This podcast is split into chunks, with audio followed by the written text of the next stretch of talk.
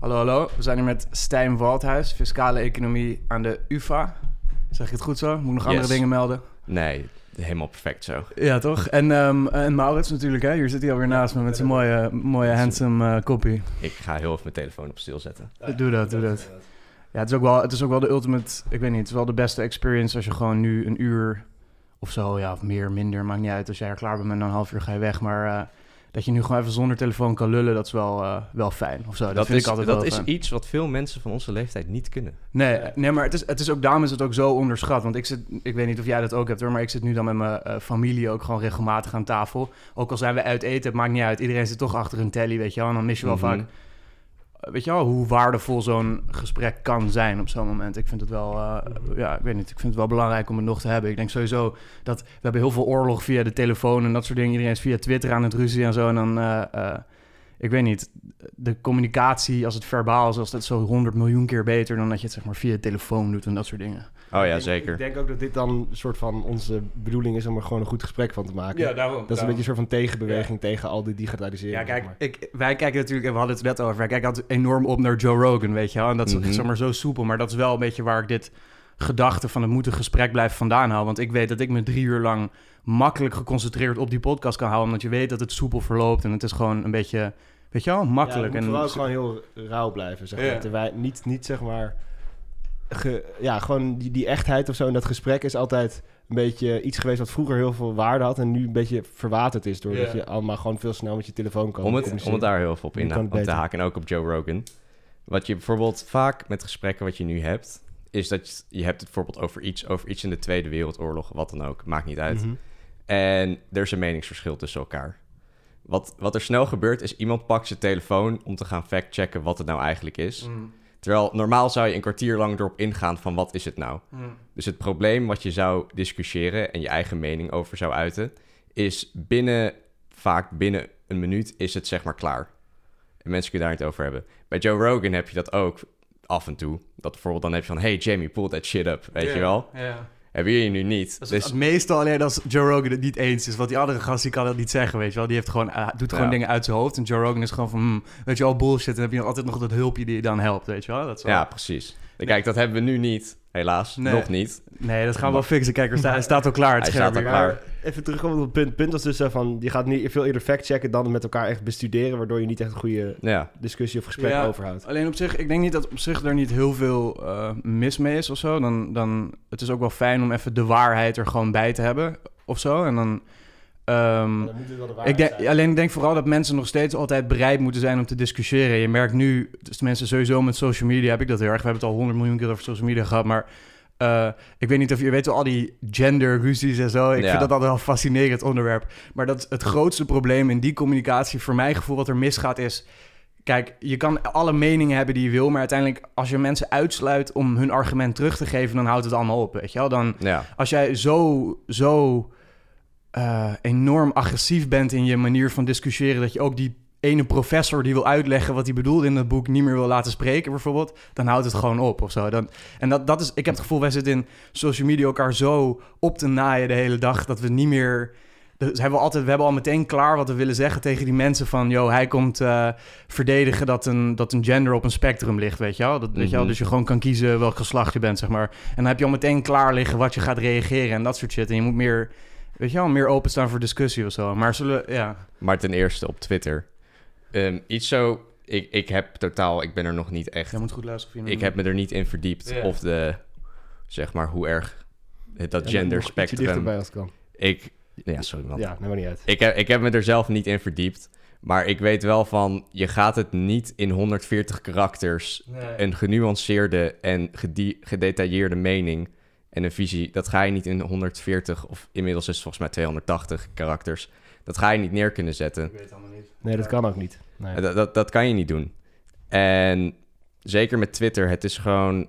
Er is ook gewoon geen ruimte voor nuance. überhaupt in het, in het medium zelf. Maar mensen gaan er niet naartoe om hun mening te laten veranderen of een nieuwe visie. Nee. Mensen gaan er naartoe om hun mening te laten horen. Ja. En daar is geen ruimte meer voor. Ja, ja, precies.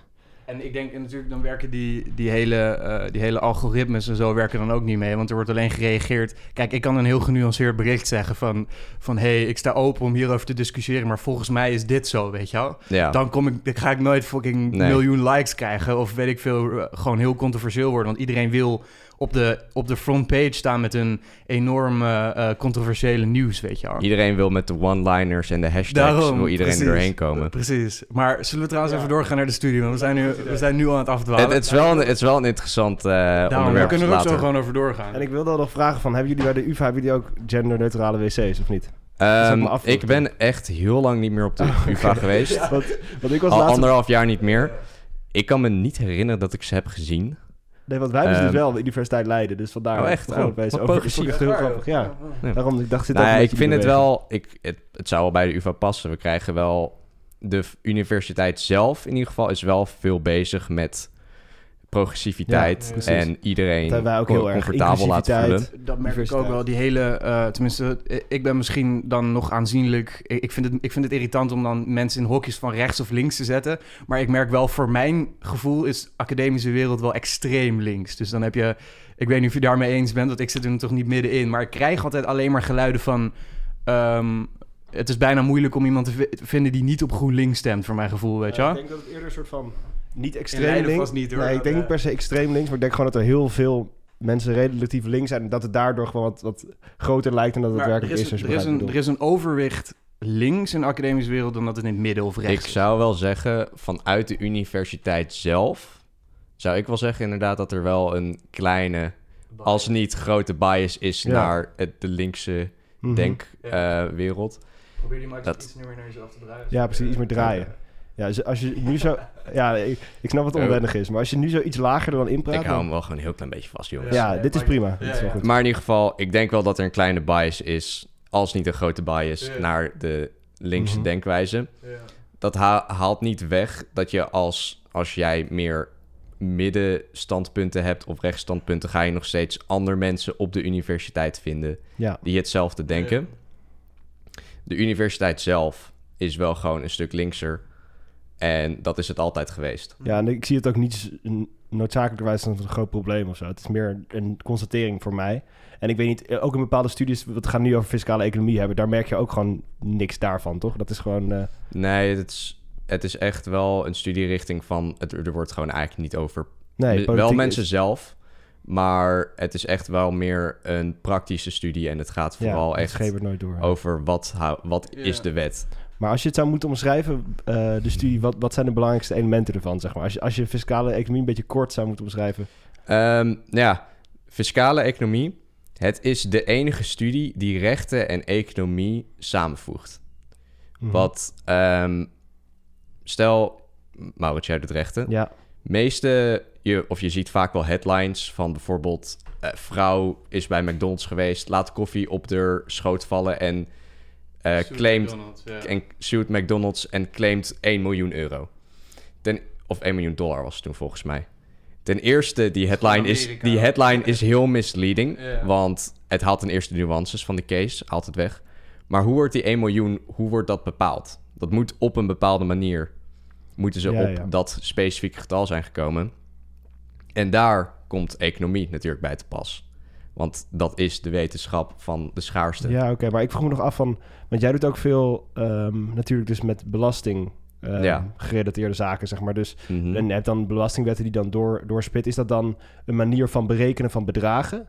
Of zit je meer te kijken naar regels? Want het is eigenlijk een soort eh, eh, Ja, ik- grijs gebied tussen Ja. beide, toch? Enerzijds regels en anderzijds eh, Ja. de... eh, Ja. Sorry, ja, we zitten een beetje te Ja. kloten. Maar enerzijds dat je die wetbundels hebt, maar je moet ook gaan rekenen. Dus hoe werkt dat dan precies? Ehm, het is veel minder wiskundig dan dat ik eerst dacht. Wiskunde Ah, komt eigenlijk alleen maar... In je eerste jaar heb je hetzelfde als economics en business. Hmm. Dus dan krijg je gewoon de basis economie. Ehm, dus daar krijg je wel vakken als wiskunde en statistiek.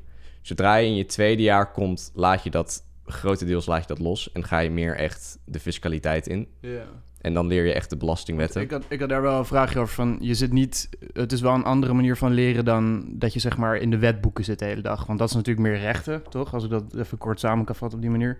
Ja, niet helemaal, maar... Hoe ik het eigenlijk het best samen kan voegen. Ja, Het is finance, accounting, zeg maar finance en accounting Mhm. en belastingrecht. Ja. Dat zijn de drie hoofdzaken Ja, want waar je eigenlijk Belastingrecht is eigenlijk het eerste waar je aan denkt als je denkt aan fiscale economie, toch? Ja. En wat is dan het grootste onderscheid tussen fiscaal recht en eh, fiscale economie, denk je? Ehm, ik weet dat eigenlijk best bij. Je krijgt eigenlijk bijna evenveel belastingrecht. Hm. Dus het grote verschil ligt hem in het procesrecht. Dus dat is ehm, hoe, werkt, hoe werkt de rechtszaak? Zeg, hoe werkt een.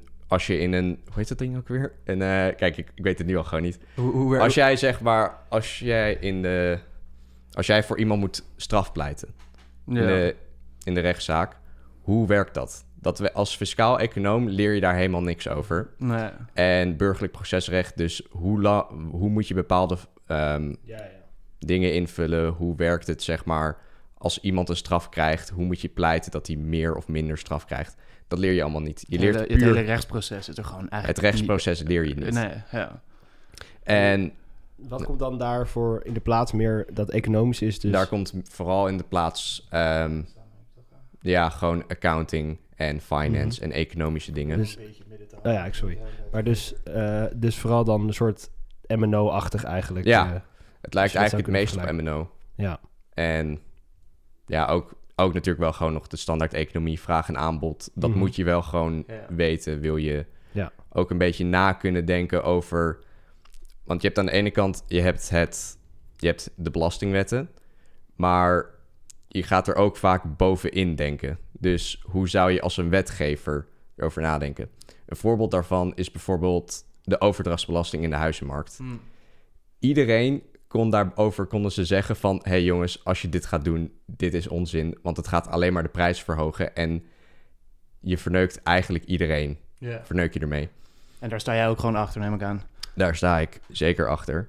Omdat iedereen dat altijd heeft gezegd. Maar nog steeds is er iemand die dat niet wist. En die heeft wel gewoon die wet doorgepast. Omdat hij gewoon niet economisch heeft nagedacht. Nee, dat, dat zie je best wel veel hoor. Dat vind ik wel opvallend. Want je ziet wel Mhm. heel veel eh, van... kunnen we hier en daar nog wel belasting bij, eh, bij pompen... terwijl het zeg maar eigenlijk zeg maar gewoon...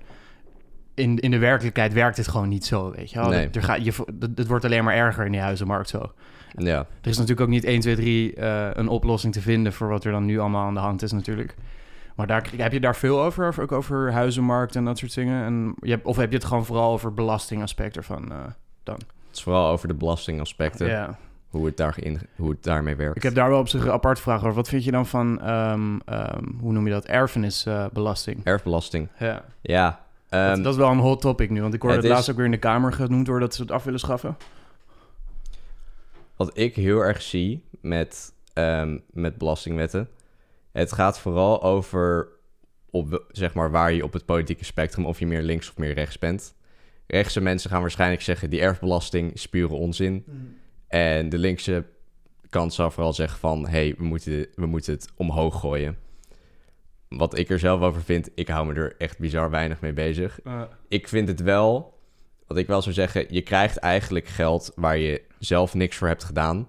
Het is wel redelijk dat je daar wel een belastingsom over betaalt. Ja, en als, je dan, als ik dan even advocaat van de duivel speel, hè, want je hebt dan in principe heeft dan een hardwerkende vader, die heeft dan al 100 miljoen keer belasting betaald over dat geld dat hij dan heeft verzameld en dat Ja. dan aan zijn kinderen wil doorgeven als, zin, als van dit was mijn, weet je wel, hier heb ik mijn hele leven aan gewerkt, dit geef ik dan aan jou door, zodat jij een soort van sprong kan maken en dat jij meer mogelijkheden hebt en dat je dan daar nog een keer, wat zeg maar 50 of minder 30% belasting over moet betalen, dat, dat zou dan dat zou dan meestal iemand dan zeggen die het onfair vindt en die wil dat het gewoon afgeschaft wil worden, bijvoorbeeld.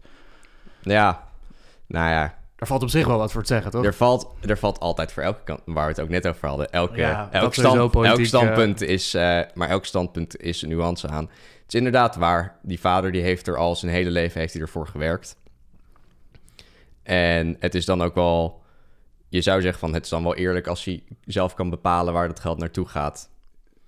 Ten eerste trouwens in de belastingwet, het is ook al genuanceerd. Want als jij aan bijvoorbeeld aan een zoon of aan een dochter, of wat er allemaal vandaag de dag tussenin zit, Ja. als jij daaraan jouw erf, als jij daar je erfenis aan toegeeft, toe, ja, ik weet niet meer hoe dat, wat dat woord is, Mm. maar dan betaal je al een stuk minder dan dat ehm, ik bijvoorbeeld aan Maurits zou geven, waar, Ja, ik, Ja. waar ik geen ehm, directe band aan heb. Ja. Dus ten eerste, daar is het al in verwerkt, wat jij zei. Ja, ja dat, je, je betaalt wel echt significant minder Je belasting. betaalt echt significant En minder. als je een beetje verstand hebt van, van hoe dat allemaal werkt... dan kun je ook nog wel iets regelen qua giften en een aantal jaar van tevoren. Want dan kon, kon je niet eens zo'n 100.000 euro elk jaar of eenmaal in de vijf jaar... zo'n regel dat je dan al belastingvrij aan je kinderen dingen kon doorgeven. Dat, ik weet niet of jij dat allemaal weet nu hoor. dat, want, eh, dat, ik heb daar, daar weet ik zelf nog niks over. Nee. Maar ja, ik vind het sowieso wel, ik vind het sowieso wel een fascinerende discussie. Want aan de ene kant denk ik van, eh, ja, je hebt er al voor gewerkt. En in principe ben ik ook wel, vaak is mijn standpunt een beetje die richting op. Als je ervoor werkt, dan verdien je het gewoon, weet je wel. Mhm. Ehm, eh, maar aan de andere kant is het ook wel weer van... oké, zijn, zijn ding is done, weet je wel. En dan moet je nu fresh... omdat je dan heb je een soort van... je hebt een soort van betere welvaartsverspreiding dan of zo... als je dat wel hebt, die belasting, Ja. zeg maar. Dus je hebt zeg maar als iemand echt... bijvoorbeeld Jeff Bezos, als die zonder... die gaat sowieso, hoeft sowieso geen belasting te betalen... want die kan Nee. sowieso lekker politiek lobbyen. en gaat hij lekker naar de maan toe, daarom, weet je die, wel. op de maan zijn geen belastingsrechten. De maan dus- is er. Nee. Precies, maar die, die kan... ehm, als die al zijn geld met weinig belasting aan zijn kinderen door zou kunnen geven... dan, dan heb je het leven gewoon... dan is het gewoon al klaar. Dan kun je Nee. voor de volgende 5000 generaties... zou je gewoon... eh, Nou ja, een goed voorbeeld daarvan is bijvoorbeeld Bill Gates volgens mij. ja. Die geeft zijn kinderen, vergeleken met wat hij allemaal heeft, geeft hij zijn kinderen echt letterlijk niks. Alleen letterlijk niks. Wat is letterlijk Maar niks? nog steeds dat letterlijk niks. Ja. Als jij miljarden aan vermogen hebt en Ja. je geeft je kind 1%, wat je zou kunnen zeggen dat dat bijna letterlijk niks is, is hij nog steeds beter af dan dat de meeste van ons ooit Ja. zullen zijn. Ja, en het is ook wel moeilijk, want stel jij bent, stel ik ben Bill Gates, hè, dus ik, en ik heb, eh, ik zeg maar dat ik heb drie kinderen. Dat, op een of andere manier wil je dan ook niet dat je kinderen weten dat ze zeg maar, eigenlijk moet je gewoon zeggen, ja, ik geef alles aan een goed doel, zodat zij nog iets met van hun leven gaan maken, weet je wel. Ik kan, Ja. ik kan me wel heel goed voorstellen dat je heel lui kan worden als je weet van, oké, over, eh, over 20 jaar staat er 20 miljard euro op mijn rekening, weet je wel. Dat is wel Mhm. gewoon, eh, eh, Nee, maar ik zou het gewoon als vader, als ik, als vader, als, als ik kijk naar, ik ben gewoon niet bezig met mijn studie. En die studie die doe ik voornamelijk omdat ik gewoon, iets meer in de mic. Omdat ik, Man, man, man.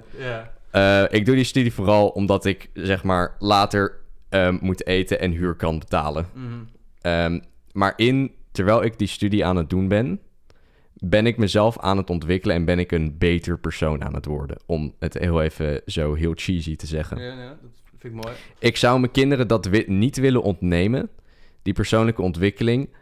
Ehm, als, ik een, als ik een miljardair zou zijn en ik geef mijn kinderen gewoon alles wat ze in principe nodig hebben. Mhm. En het enige wat ze dan op de, wat ze met hun leven hoeven te doen is op de bank zitten en Fortnite te spelen. Dat zou ik Valt ook wat voor te zeggen hoor, maar... eh, Nou ja, dat, Maar- ik zou niet zeggen dat daar wat voor... daar is, nee, kijk, één keer op zijn tijd is dat wel goed. Maar als je dat vijf jaar doet en niet per se de pro-scene ingaat... want daar is wel wat voor te zeggen. De wat in zijn? De professionele scene, zeg oh, maar. ja, nee, maar alleen als je winnaar bent. Want anders moet je op brood en water leven. Maar als je wint, dan win je een miljoen, toch? Dat is het hele idee? Ik, ehm, ik eh, volg dat maar niet. ik ben wel, ik ben wel benieuwd, want ik had er wel een vraagje over van wat... Ik snap wat je bedoelt. Dus, dus je, wil, je zou willen zeggen van als je te veel geld hebt dan... en je weet dat het uiteindelijk naar je kinderen doorspeelt... dat wil je eigenlijk niet, want je wil je kinderen ook die struggles zien meemaken... van werken voor een huis of voor, voor boodschappen later, Ja. et cetera. Maar wat is dan volgens jou... ehm, echt, wat zijn die belangrijke aspecten van, van die struggle? Dus dat je gewoon naar, naar, je gaat studeren, je gaat... Nou, kijk, stel Waar bijvoorbeeld... bestaat het uit? Ehm, ik heb nooit echt in mijn, in mijn opvoeding van de middelbare school... ik heb nooit echt bijvoorbeeld gewerkt. Ik heb Mhm. altijd gewoon een beetje van mijn vader en mijn moeder geleached... en gewoon van naasten. Die kennen wij wij wel, denk ik. Ik bedoel, ik, ik denk dat, die, dat we dat allemaal wel een beetje Ja. kennen. Oh, kijk even serieus. Maar ehm, als jij echt voor dingen moet werken... jij ontwikkelt... bijvoorbeeld jij gaat in de horeca werken... of wat bij de Albert Heijn, wat voor baantje dan ook. Jij leert echt hoe het is om te werken. Dat je gewoon soms van dingen... jij kan bepaalde afspraken... die moet je gewoon afzeggen... want je moet werken. Want je moet je geld ja, verdienen. precies. En als jij dat nooit hebt hoeven doen, dat, dat aspect, die mindset, die krijg je niet van, hey, niet alles in je leven wordt direct aan je gegeven. En soms moet je, soms moet je gewoon dingen doen waar je geen zin in hebt. Ja, dat is juist eigenlijk de kern van eh, alles wat je verdient, moet je ook voor gewerkt hebben op een bepaalde Ja. manier. Het is eigenlijk nooit echt Ja, dat is ook... Ja, ik, ik, ik vind- gezond om het zo te krijgen. Het is, ook, het is ook echt heel belangrijk. Ik denk dat dat ook wel een van de eerste dingen als ouder is die je dan weer als ouder, als die je dan weet je wel, ook al heb je wel al die dingen, moet je toch wel een soort van zorgen dat je kind een beetje gedrild is in die zin. Ja. Alleen aan de andere kant, zeg maar, stel je hebt dan een kind dat dan eh, gewoon maar doet wat hij wil. En hij krijgt het toch allemaal. Op een gegeven moment in je leven ga je gewoon op je kanus. Dat, dat, Ja, voor mij ook of je nou, zeg maar, je wilt liefst. En dat is dan als taak als ouder meestal. Dat het vroeg gebeurt. In de zin dat hij die mindset al vroeg ontwikkelt. Maar ook als jij het kind van eh, Bill Gates bent. En je krijgt zo op een gegeven moment ga je gewoon op je bek. Ik, misschien Ja. dan niet. Misschien is dat een uitzondering. Want dan heb je gewoon alles. Dan, is- dan kan je Nou je ja, kan niet eens kwijt. Maar je kan heel veel geld verliezen door op, de verkeer, op in iets verkeerds te investeren. Precies, of ja. een verkeerde... ehm, een, een glaasje te veel in het casino. Of kan je je, gaat- veel mee verliezen. Of je gaat alleen maar met strippers op een boot zitten. Ik zeg maar Ja. wat, hè. Dan, eh, Mhm, eh, precies. en dan, ja, weet je, er komt sowieso wel een moment dat je op je bek gaat. Ik kan, ik kan me niet voorstellen dat dat niet, niet komt, Ja. zeg maar. En Nee. dan leer je het ook wel. Als je een beetje willingly bent om te leren en een beetje hersens hebt meegekregen, dan komt dat moment wel. Maar ja, je wil natuurlijk dat het zo vroeg mogelijk komt of zo. Ja, dat wilde ik dus ook zeggen, van, dat het heel leerzaam is. Maar dat zit een beetje... Als we dan toch over ouders of ouder zijn hebben... Dan, dan zit het een beetje in het spanningsveld van enerzijds... je wilt je kind heel veel meegeven, heel veel laten leren... maar anderzijds wil je ook heel lief voor je kind zijn, als je begrijpt wat ik bedoel. En als je Ja. iemand op je bek gaat, dat wil je eigenlijk niet als het je kind is. Maar dat is juist de manier om het beste te leren, Het is zeg maar. natuurlijk ook heel makkelijk lullen als ik dan zeg, ja, ik ga mijn kind gewoon drillen. Ik geef hem helemaal niks en dan, en, dan, en dan heb je dat kind of zo. En dan wil je eigenlijk alleen maar... eh, Gewoon zacht laten nee, maar- daarom, ja. Dat is. Dat is ook weer waar we net op... Er, is, er zit nuance aan. Ja, precies. Je wilt aan de ene kant, je wil je kind wel ook een goede springplank van geven. En als jij bijvoorbeeld ze gewoon een prima jeugd kan geven waar ze kunnen doen wat ze willen, kunnen voetballen, met hun vrienden kunnen chillen en zich en al hun focus op een school kunnen geven, dan ben je een soort van, dan ben je een strijvere, of niet strijver, maar dan ben je een gewoon een sterkere springplank aan het maken, waardoor zij zodra ze gaan springen, kunnen ze hoger komen. Ja. En stel als jij je kind altijd maar aan het drillen bent en alleen maar laat werken voor alles en je vanaf een veertiende al huur laat betalen. Die balans is gewoon essentieel, inderdaad. Je maakt ze misschien wel heel hard, maar je geeft ze niet een goede omgeving om waar ze in een kenniseconomie Mhm. kennis kunnen vergaren. Ja. En zometeen dan hebben ze niks aan school kunnen doen en dan moet ze op een olieplatform ergens gaan werken. Ja, dus die balans moet er wel zijn, ja. Er moet wel een balans zijn waar Ik je ben blij dat ik daar nog niet aan hoef te denken, man. Dat is wel echt... eh, Nee, man. ik, ik hoef alleen maar aan te denken van... Oh, kut. Ja. Kijk, die hebben me uitgenodigd voor een borrel... maar ik moet ook daar naartoe. Ik ben blij dat dat tot nu toe mijn Dat is ook enige... wel even onze luxe, hè. Dat Daarom. echt, Maar niet iedereen heeft die luxe. En, vind- je moet je goed realiseren dat niet. Ja, iedereen die luxe heeft. Maar ik denk dat, het, ondanks dat ik het echt ontzettend interessant vind... en dat er wel een goed gesprek erover hebben... maar ik denk wel handig om weer even Ja, terug ja, naar we moeten te even die ene vraag stellen. Ja. Dat, die stellen we aan iedereen. Eh, dus stel jij hebt een... Nu heb je natuurlijk een raar jaar gehad, net zoals iedereen dat heeft gehad. Maar je moet gewoon... Dus stel je hebt een week van je, van je studie, hè. En dan, dan willen we eigenlijk... Loop ons even door die week heen. Van je hebt fiscale economie Amsterdam. Je begint bij maandag of bouwt op hoe jij het wil. Hoe ziet zo'n week eruit? Hmm. Fiscale. Het is een vrij reguliere studie. Ehm, het is vooral heel veel van... Je gaat naar een college en je gaat naar een werkcollege. Ehm, ik kan wel... Een hoorcollege is gewoon de standaard... Weet je wel, je zit in een, je zit in een grote kamer met... Met of twintig als het een vrijdagochtend is en iedereen is net in de stad geweest de avond daarvoor. Of met honderd mensen.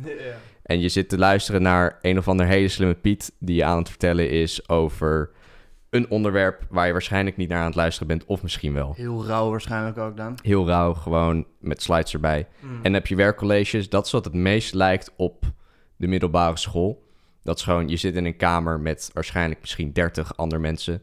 En je hebt een of ander slimme Piet voor je... en dan ga je gewoon oefenopdrachten ga je bespreken. Ja, en dan leer je ook meestal, neem ik aan. Dus dan neem je ook je belastingwettenbundel mee. en Dat soort dan dingen. neem je ook je... En Ja. dan ga je echt op specifieke casussen ga je in... Precies, die casus. ja, dat is eigenlijk best wel vergelijkbaar met rechten, grappig genoeg. Ja, het is in die, in die manier en dan afhankelijk. Soms heb je twee setjes, soms heb je één setje van hoor- en werkcollege. Maar in die zin is het gewoon een vrij... Qua de Unie zelf is het een vrij reguliere studie. Aan de andere kant, ehm, dat geeft je ook heel veel vrijheid om... Naast dat je ook gewoon wel moet studeren op je eigen... In je eigen tijd. Het geeft je ook ruimte om dingen ernaast te doen. En dan kan je bij verenigingen, los van verenigingen, kan jij bijvoorbeeld zelf kiezen van hey, ik wil hier en daar wil ik een commissie doen. En wat doe jij dan naast? Als het even... Ehm, ik, ehm, ik ga komend jaar ga ik ehm, hoop ik, moet ik eigenlijk zeggen, hoop ik bestuur te doen bij mijn studievereniging. Ik ehm, hoop dan, want ik moet hoop zeggen, want Mm. ik ben de centrale ALV waar ik ben ingehamerd is nog niet geweest. Ja, ja. En als ik dan zeg dat ik het ga doen, dan word ik door allemaal oud-bestuursleden word ik helemaal verneukt. Dus dan... Nee, dat snap ik. Verklaar eens dan, want Algemene ik, ik zit nog niet in het, eh, ik zit Jij nog zit niet daar in de nog wereld, ja. Ehm, Oké, in principe bij een vereniging, elk jaar komt er nieuw bestuur. Dat nieuwe bestuur, dat wordt ingehamerd op de ALV, de Algemene Ja, Ledenvergadering. precies. Ehm, en daar word je eigenlijk goedgekeurd door de vereniging, wat vaak meestal alleen oud-bestuursleden zijn. Eh word je goedgekeurd of jij de functie daadwerkelijk echt mag doen. Ehm, en zolang dat nog niet is geweest, moet je eigenlijk altijd zeggen van... Ja. ik hoop het te doen, Mm. omdat het, het is nog niet officieel. Nee, dit ken ik Als je wel. jezelf rijk gaat rekenen, word je sowieso meteen Ja. eh, afgewezen. Maar ik heb nog wel een vraag. eh, welke, welke studievereniging is dat dan? Want dat is een- dus een studievereniging. Dus dan heb je ook Ja. te maken met fiscale economie. Al, al die Mhm. mensen die erop zitten. Ja, dat fiscale, het heet Sfeer, Sfeer. Amsterdam. Ja. Ehm, studievereniging, of studievereniging Fiscale Economie en Recht. Mm. gewoon. Ja. Als je ehm, komend jaar van plan bent de studie te gaan doen, zou ik zeker zeggen van aan de UvA. Zou ze, hey, kom langs. Het is echt heel Mhm. gezellig. Ja, ja. Ehm, het is ook wel een investering in je toekomst. Want Ik denk dat tenminste van alle vrienden die ik die nu heb, die eh, allemaal op de UNA zi- U- Unie zitten, is eigenlijk iedereen raadt het aan en je moet het eigenlijk ook gewoon doen, waar dan ook. Je moet er gewoon naartoe gaan. toch? studievereniging moet je eigenlijk wel altijd doen. Ja. Het is, ehm, stel, je bent, stel je wil gewoon niet al die commissies en je wil niet een bestuursjaar, dat wil je gewoon niet doen. Dan is het nog steeds wel, waarschijnlijk elke minimaal één keer per maand heb je een borrel of heb je een evenement waar je wel gewoon echt de mens, waar je gewoon echt je jaargenoten leert kennen. Ja. En mensen die verder zijn in de studie. En ten eerste, dat is gewoon heel leuk. ja. Ik bedoel, maar vaak is het ook wel met studieverenigingen, en dat is het grote ver- verschil met studentenverenigingen. Heel vaak kan je ook al een beetje aan je carrière bouwen en kennis maken met je, met je latere werkgebied. Terwijl je ook gewoon lekker leuk met je medestudenten kan chillen. En Zijn meestal wel de, wel, wel de ambitieuze guys die er eh, naartoe gaan dan? Of eh, valt dat mee? Is gewoon... eh, mm, niet per beetje, je hebt, je hebt ambitieuze mensen. ja, Maar je hebt ook ambitieuze mensen, die heb je ook. Ehm, en je hebt ook het precies het tegenovergestelde daarvan, inderdaad. Van mensen die, die het allemaal eigenlijk niks kan schelen. En die gewoon alleen de studie doen zodat ze kunnen studeren. Mm. En voor de rest zien ze het wel. Je hebt ook mensen er rondlopen die al vanaf dag één van de studie zijn ze al bezig met... Hey, hebben ze bij Deloitte al vacatures? Hebben ze, CV, CV, CV. hebben ze bij Bijburg? Is, hoe, hoe wordt je partner daar? Weet je, Ja, ja. die mensen heb je er ook. Maar het leuke van zo'n studievereniging is... je krijgt al die mensen, kan je spreken. Je krijgt ze allemaal te zien. Je krijgt overal verschillende standpunten uit. En dat maakt het gewoon leuk. ja, ja. Ja, het is En ik denk ook, ook wel dat dat... Die gemene delen van die studie, dat maakt het ook makkelijker, denk ik, om met elkaar te. Ja. Omdat je gewoon dat onderwerp hebt. Kijk, ik zit bijvoorbeeld niet bij een studievereniging, maar wel bij een studentenvereniging. Maar dat is me ook meer van... ehm, die studievereniging heb ik overigens wel een lidmaatschap bij, maar daar heb ik niet heel veel mee gedaan, omdat het ook niet door corona heel makkelijk was. Maar Ten eerste trouwens sowieso wat je nu ook zegt van... Sorry om je heel veel te onderbreken. maar vaak, het kost 5 of 10 euro om lid te worden. Daarom, word altijd lid, want het- Wordt altijd lid, want ten eerste, meestal kan je boeken kopen Ja. en dan krijg je 50% korting of zo. En je haalt het er, je haalt die 10 euro die je er even hebt ingestopt, haal je er 10 keer zoveel uit. Mhm. Nou ja, tien keer. Tenminste, als je gewoon de sociale waarde die je er ook uithaalt, dat is gewoon echt. Ik denk dat dat echt een van de belangrijkste dingen is die er zijn. Zeker als je studeert. Ik denk dat er best wel veel mensen zijn die. eh, ja, ik weet niet. Ik denk dat voor iedereen geldt wel dat het gewoon eigenlijk van. Ja, enorme waarde is om gewoon die sociale Ja. contact te leggen. En in ieder geval, of weet niet, voor jou is het dan elke week, hè? Want jij zit op, bij, weet je, als je bij zo'n studentenvereniging, studievereniging, om gewoon in ieder geval dat sociaal contact erbij te hebben. En gewoon die vriendengroep. Want daarvoor, ik weet niet, ik ga er ook gewoon voor studeren. Gewoon voor die mensen leren kennen die soortgelijke interesses hebben. En gewoon, weet je wel, waar, je vanuit, waar ik hoop dat ik mensen ga vinden die gewoon voor de rest van mijn leven gewoon, eh, Mhm. gewoon echt eh, goede vrienden kan maken. Weet je wel, vriendschap is gewoon fucking belangrijk. De helft van je studie is het sociale contact en je, sociaal, je sociale, so- sociaal, sociale wereld te ontwikkelen. Ja. Ja, je moet goed articuleren als je, als je op zo'n podcast bent, hè? We snijden niks uit. Dus als je, als je hele grote bloopers maakt, dan eh, heb je een probleem. Ah, shit. Nee, maar ehm, je, zit dus niet, je zit dus niet heel vastgemetseld of zo bij een studie die jij dan doet. Het is zeg maar, je hebt nog wel tijd om eh, bij zo'n eh, studievereniging te zitten en andere dingen te doen? Of is het wel, ben jij gewoon, weet je wel, heb je het gewoon goed gefixt? En zijn er wel heel veel mensen die wel eigenlijk heel veel ermee bezig zijn? Dat is Want- ook het goede. Ja, want je hebt is bijvoorbeeld het- econometrie, sorry hoor, dat ik onderbreek, maar ehm, die econometrie, hoor je best wel veel mensen dat ze eigenlijk vrij weinig tijd over hebben voor andere dingen. Afhankelijk van hoe wiskundig eh, aangelegd je bent. Ja, nou ja, ik heb bijvoorbeeld, ik heb eerst een half jaar econometrie gedaan. En ik zag daar gewoon bij mezelf van hoeveel, F, hoeveel tijd ik erin moest besteden. Zou ik naast mijn studie zou ik heel weinig kunnen doen. Dan zou ik echt alleen maar bezig zijn met leren, leren, leren. En aan de ene kant, je komt wel goed terecht als je dat doet. Aan de ene kant, je wordt gewoon echt een menselijke rekenmachine. En als jij, als jij door je studieleven, als jij dat vier jaar lang doet, ehm, dan aan het eind van het jaar heb je 50% van de puzzel. Want mensen die jou aannemen, die willen jou, die kijken naar wat je hebt gestudeerd, dat is mooi.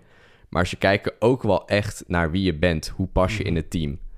En als jij alleen maar in je, in je studentenkamertje op het zoldertje hebt zitten leren, dan is de kans heel groot dat je niet iemand bent waar het fijn is om mee te werken. Klopt, ja. Maar dat is een beetje het nieuwe eh, manier van... We hadden het net over van naar de universiteit gaan... is nu steeds meer een fabriek en een diploma en zo behalen. Maar eigenlijk is dat soort van niet helemaal zo. Omdat je ook nog daarnaast allerlei contacten en, en bij je cv moet bouwen... omdat je ergens gewerkt hebt of contact hebt in, in die Mhm. fiscaal-economische branche, zeg maar. Waardoor je niet alleen maar met een diploma... en inderdaad op je zolderkamer, zolderkamer gezeten hebben... nou heel ver komt meer. Nee.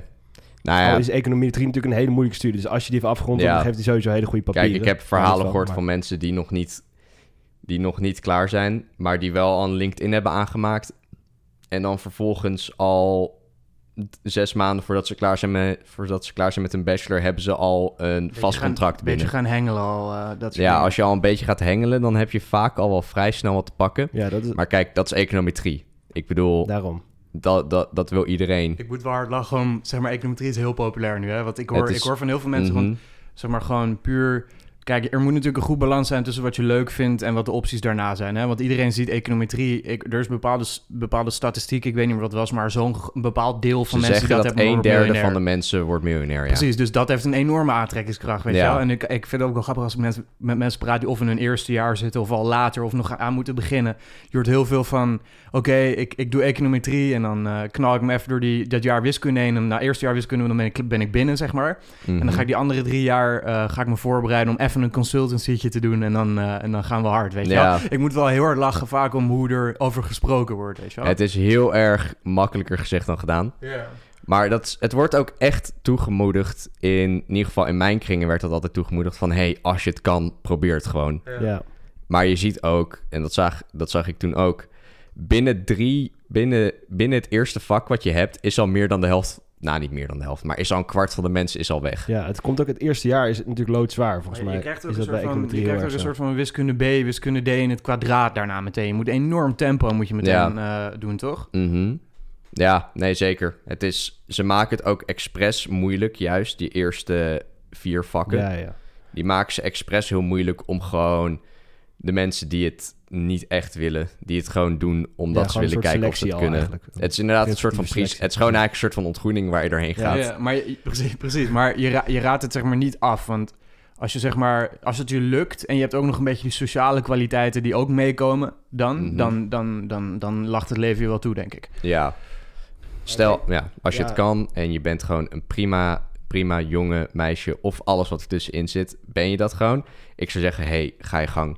Als je het kan, je verdient er heel prima mee. En Ja. als je het ook nog interessant vindt, dan, dan, is het, dan speel je het leven op eh, easy mode. Maar wat was het voor jou precies? Want ik vind het wel interessant omdat je dus gestopt met econometrie en dan fiscale economie bent gaan doen. De reden dat je gestopt was met econometrie is dat eh, alleen omdat je heel weinig tijd overhield of omdat je het gewoon ook echt niet kon of niet goede cijfers haalde? Of... Ik had, ik had het misschien wel gekund. Kijk, dat weten we natuurlijk niet, want ik heb het niet gehaald. Mhm.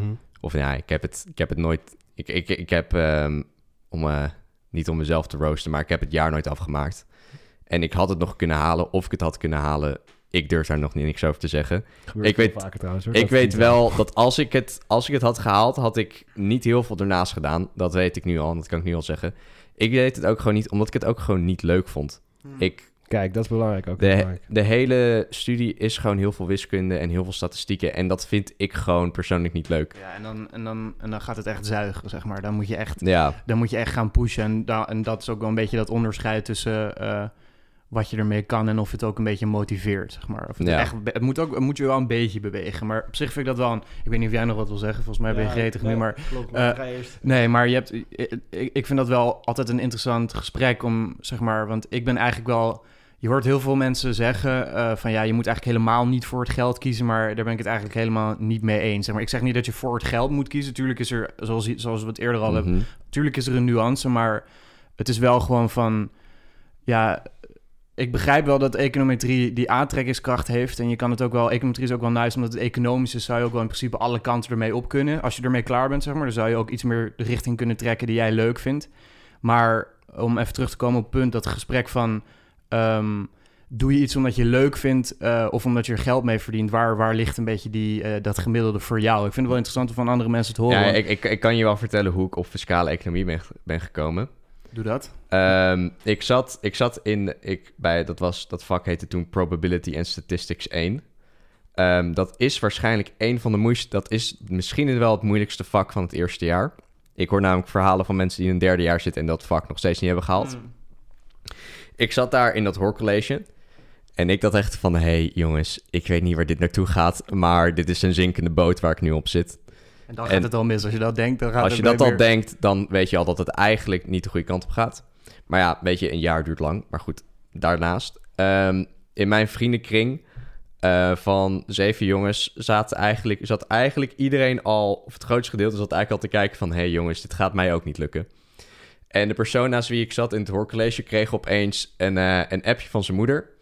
met daarin een artikel van het AD van de top 10 best betaalde studies. Mm. Die zie je echt, die worden altijd heel veel gecirculeerd. Die ik worden heel elk veel gecirculeerd. Altijd zeker, eh, zodra, zodra 1 mei een beetje aankomt, dan is, dan is hij erg populair. Precies.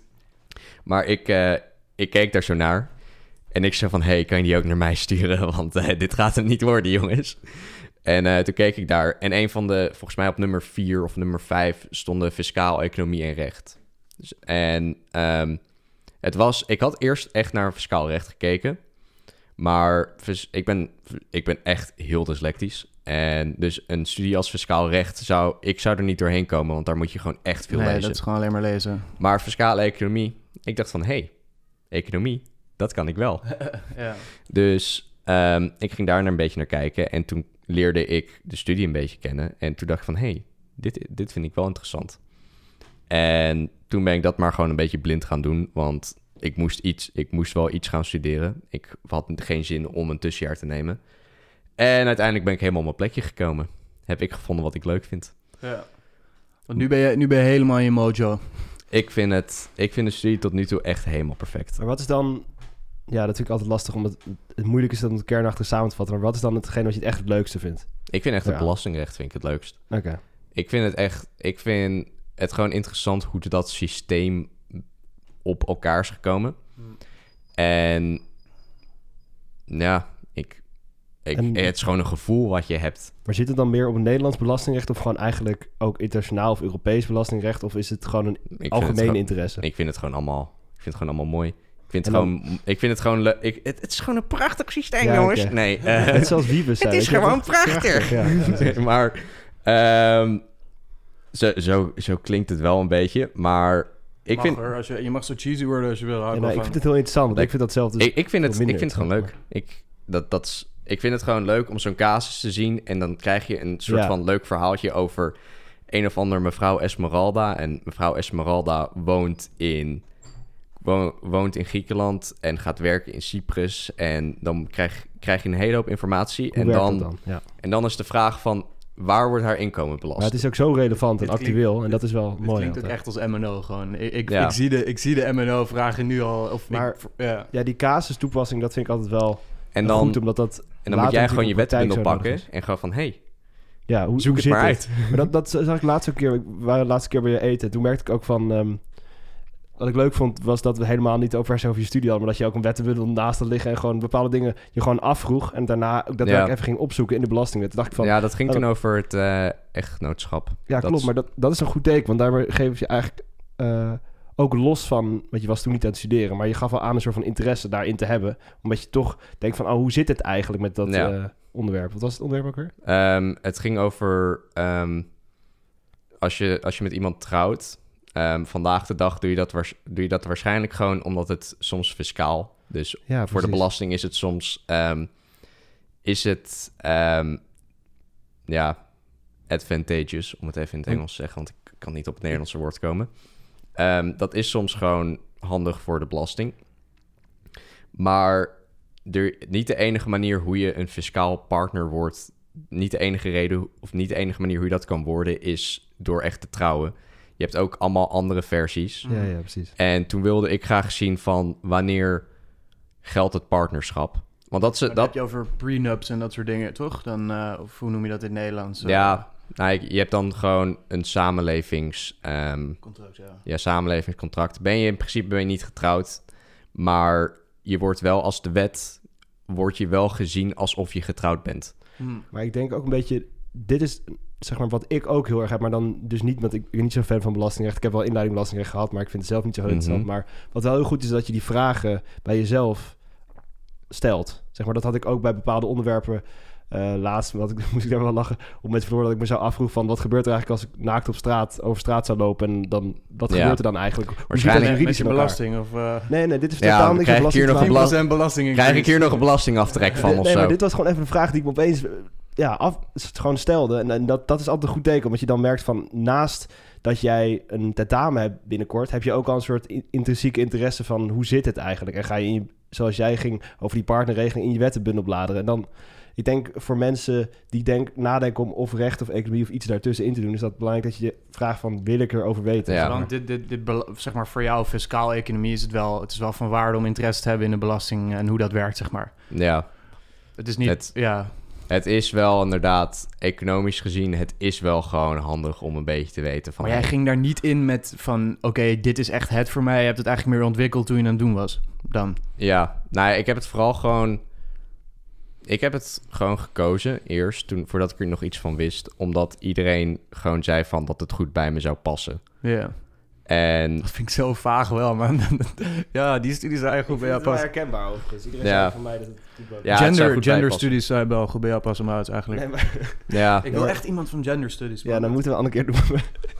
Eh, wat wil ik nou zeggen? Ik wil, ik wil niet zeggen, maar ik ben niet helemaal van apropos. Maar nee, oh ja, dat is inderdaad... Ik had hetzelfde van dat mensen zeiden... de rechten zouden goed bij je passen. Maar dat ik uiteindelijk toch ben... Je weet het van tevoren nooit natuurlijk bij zo'n studiekeuze.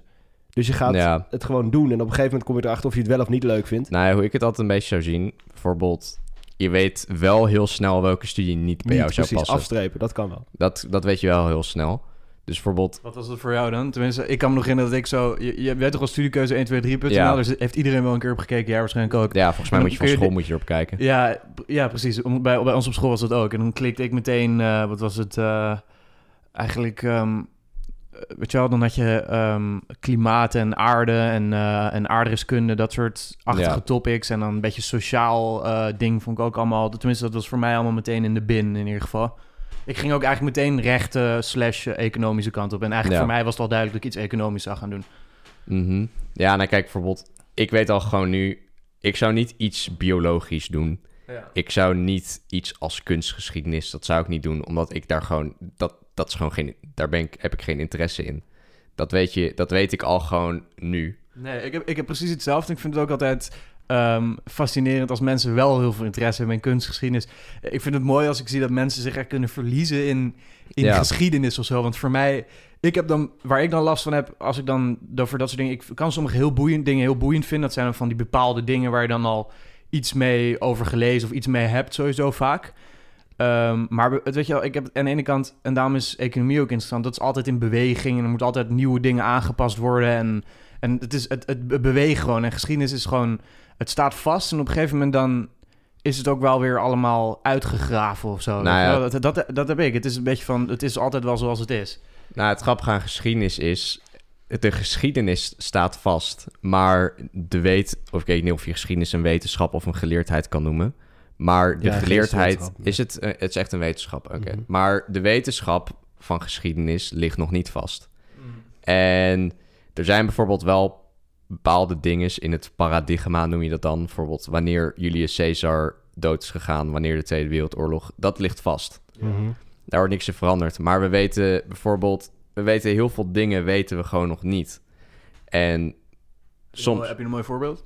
Ehm, je hebt bijvoorbeeld ehm, in de Amazone, van de, ja, in de Amazone, dat is het. In, daar heb je echt een heel dik, echt zeg maar, echt een heel dik bos, om het even zo te noemen. Ja. Tropisch, tropisch klimaat.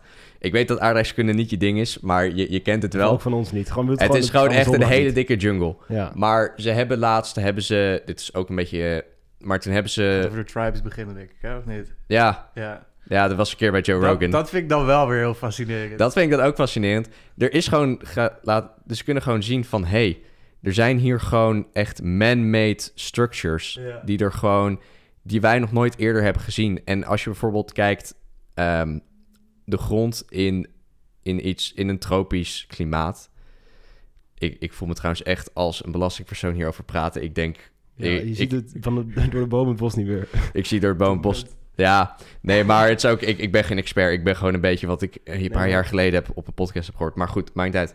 De grond is daar niet lekker, vruchtbaar. Ja, ja. De grond is daar niet vruchtbaar. En dus, Klinkt wel gek, aangezien het een fucking bos is en Ja, heel maar- veel regen en heel veel... eh, ja, maar het gaat er dus om dat ehm, er is daar zoveel leven dat alles, bijvoorbeeld elke blaadje wat op de grond valt, wordt al door een dier wordt het opgegeten. Dus het, he- er is geen tijd voor organisch materiaal om op de grond te liggen, daar een maand of drie te liggen en te rotten en daar de vrucht en daar de grond te bevruchtigen. Maar op een of andere manier zien ze dus gewoon wel een soort van rare vierkanten, waardoor ze wel de grond, waardoor er wel dus mensen zijn die grond vruchtbaar hebben kunnen maken en daar dus een agrarische, ehm,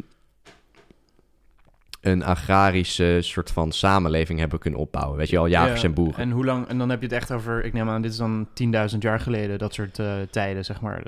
Of is, het, is dit nog relatief recent, weet je wel? Want- Volgens mij is dit nog relatief recent. Ik zou dat eigenlijk niet weten. Ja. Maar daaraan kan je bijvoorbeeld zien van dat was een hele civilisatie waar we tot op heden wisten we daar nog echt helemaal niks van. Nee. Maar ik denk, als ik, ja, ik, ik vind het wel interessant, omdat geschiedenis natuurlijk, zoals je net zei, van het, het lijkt heel erg dood, maar ik denk dat het eh, juist heel belangrijk is dat dat ook bestudeerd wordt, omdat je dan bepaalde lessen eruit kan trekken en ook wat verbanden kan leggen. In die zin dat, ja, geschiedenis is nooit echt, omdat je altijd terugkijkt, kan het nooit in beweging zijn, maar er komen wel nieuwe dingen en daar kun je weer, zeg maar, We leren nieuwe dingen kijken. waardoor ons beeld over wat er gebeurd is Precies. verandert. ja, we leren nieuwe dingen. alleen aan de andere kant vind ik dat ook weer moeilijk, want eh, wij hebben natuurlijk nu heel veel mensen die zijn er heel erg mee bezig. En heel veel mensen die willen dan, in de geschiedenis willen ze dan dingen gebruiken om in de toekomst dan beter op dingen te kunnen reageren. Alleen voor mijn gevoel wel al zo vaak bewezen dat we dat eigenlijk niet kunnen, weet je wel. Dat er, in, er zijn altijd die, bij zijn, zeg maar, het is allemaal al die dingen die nu gebeuren, die misschien ook in het verleden zijn gebeurd, zeg maar. Weet je, pandemieën, maakt niet uit, whatever. Het is altijd op zijn eigen manier toch weer dat we uiteindelijk nul reactie kunnen bieden Ja. op basis van geschiedenis. Ik heb altijd het gevoel dat het eigenlijk nul zin heeft en dat we eigenlijk niet leren. Nou, denk- er, is, er is bijvoorbeeld bij de pandemie... Er zijn altijd...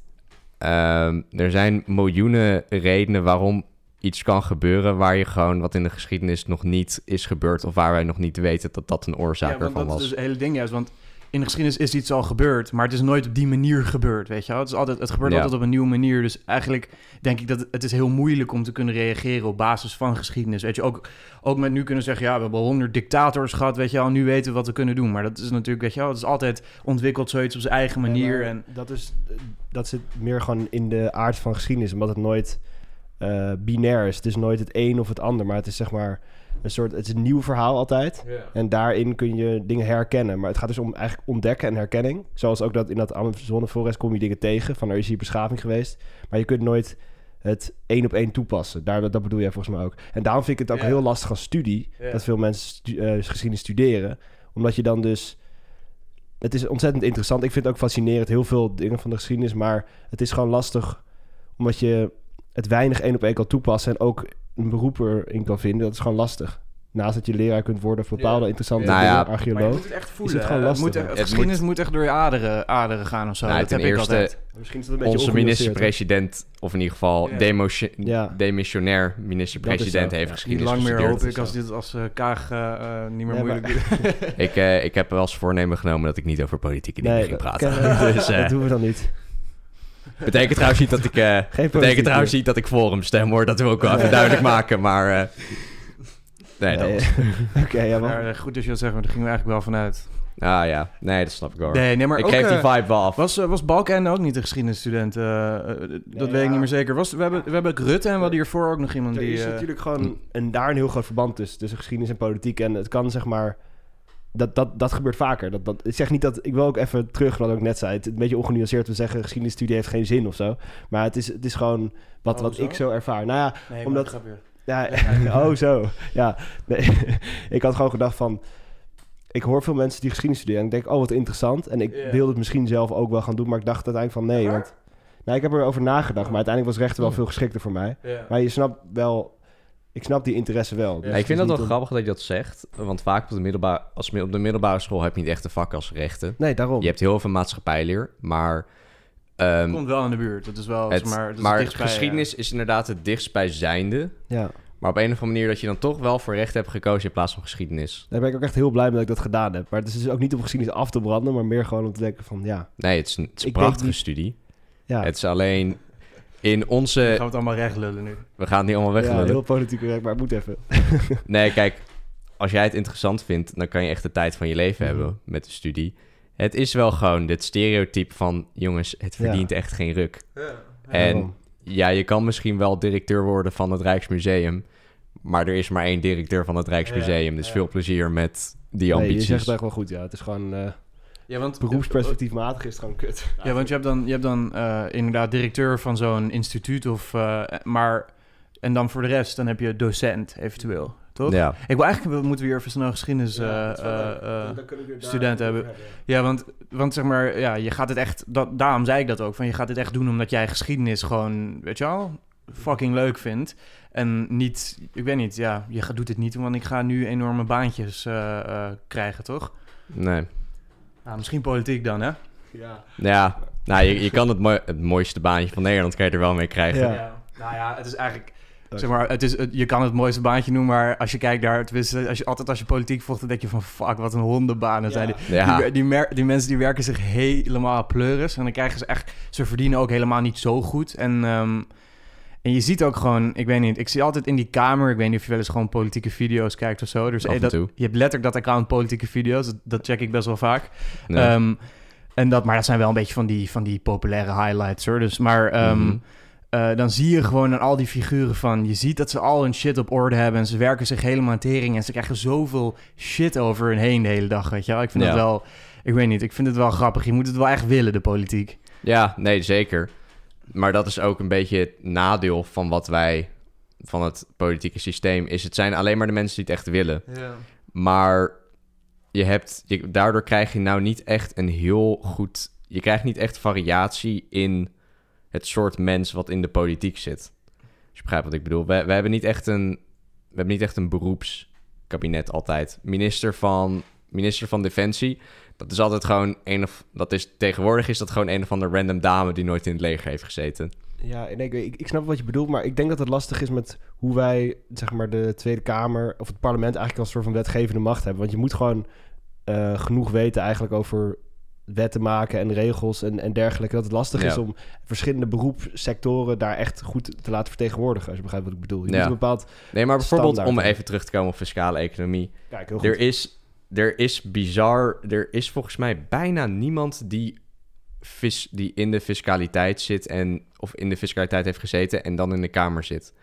Resultaat is, is dat vaak als er over belastingwetten gestemd moeten worden, heb je vrij weinig experts die daar echt een, die daar echt een goed debat over kunnen houden.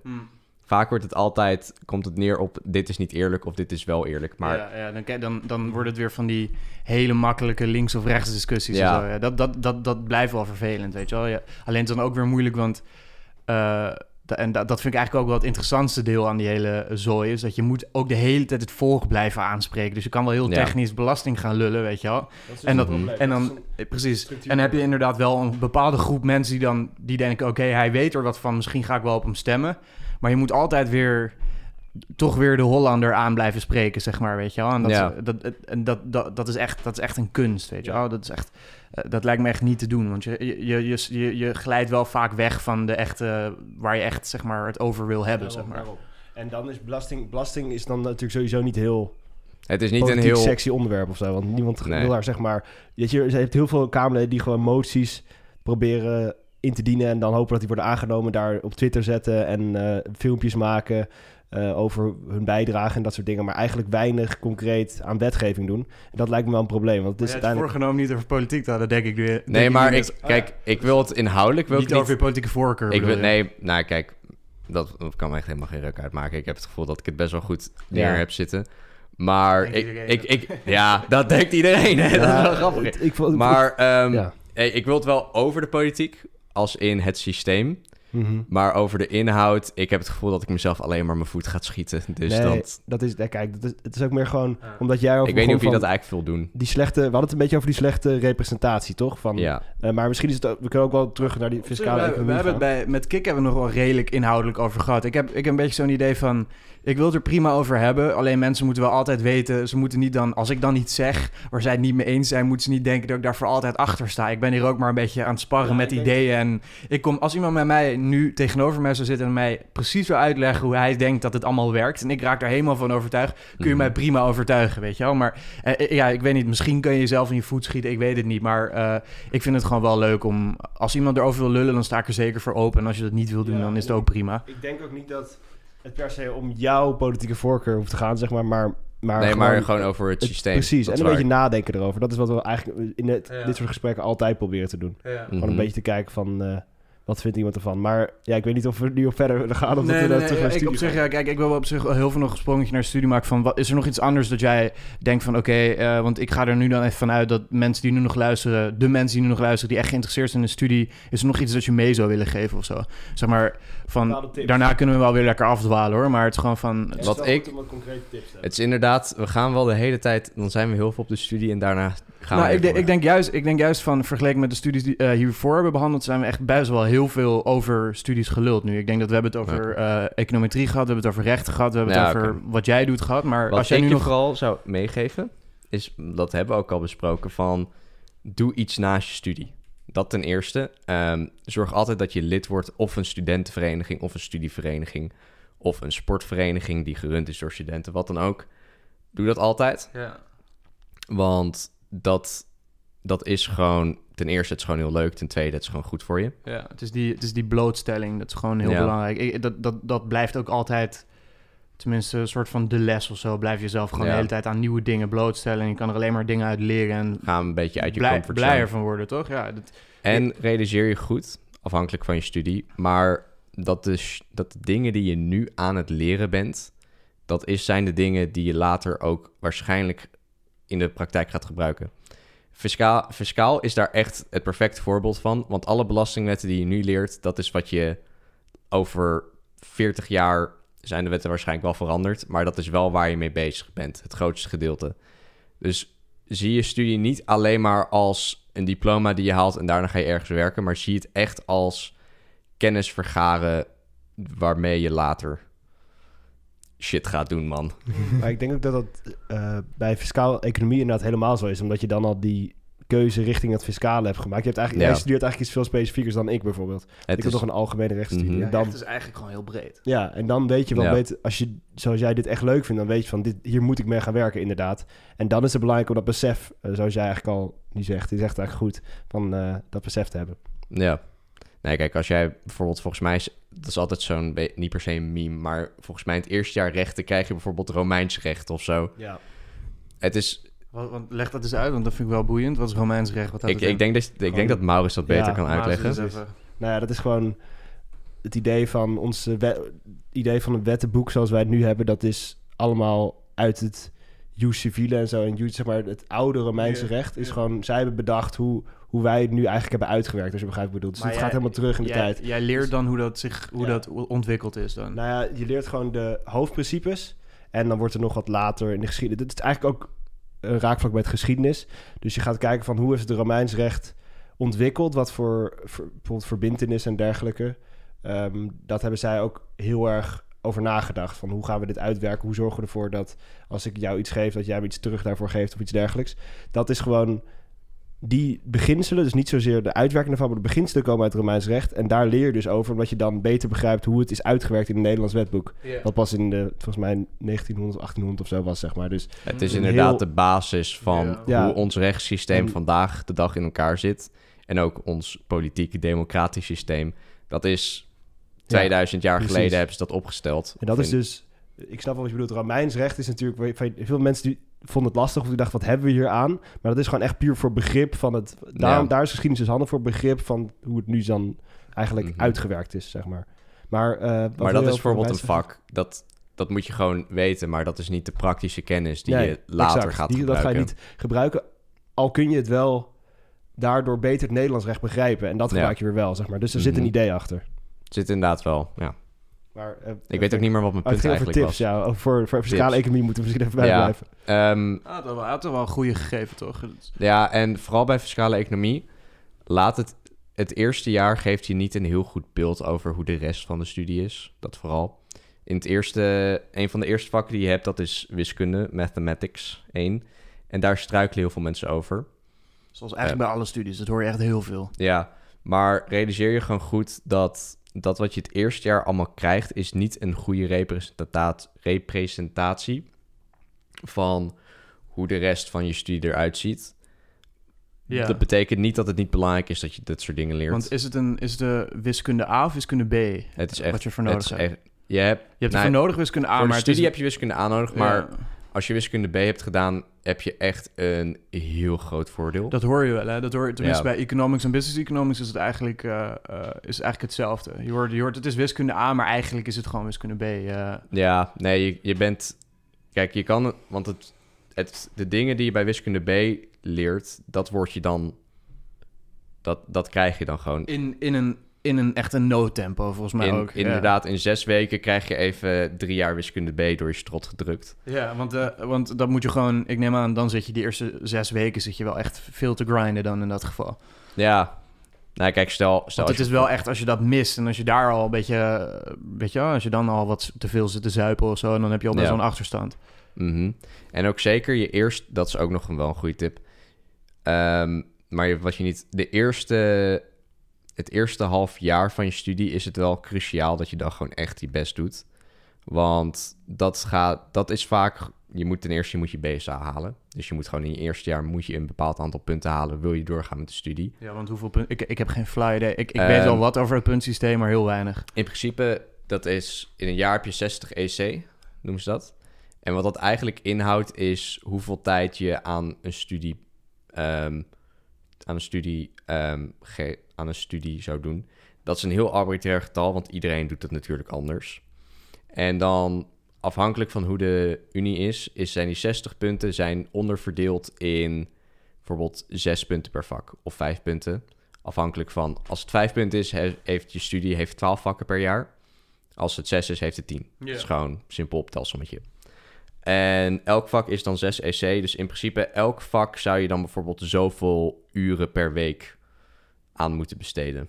Maar natuurlijk, dat is heel arbitrair, want sommige mensen leren één uur per dag en halen alles. Ja. Sommige mensen zitten, ja. zitten 9 tot 5 te grinden en Ja. die komen er gewoon niet. Uiteindelijk moet je gewoon je eigen efficiënte eh, ritme vinden, Het is toch? een, maar ja, het is gewoon een heel arbi- arbitrair systeem van hoeveel punten je per vak verdient. Mm. En waar het eigenlijk op neerkomt, is dat in het hele van de 10 vakken die je in het eerste jaar hebt, moet je bij de UvA moet je er 8 van halen. Ja.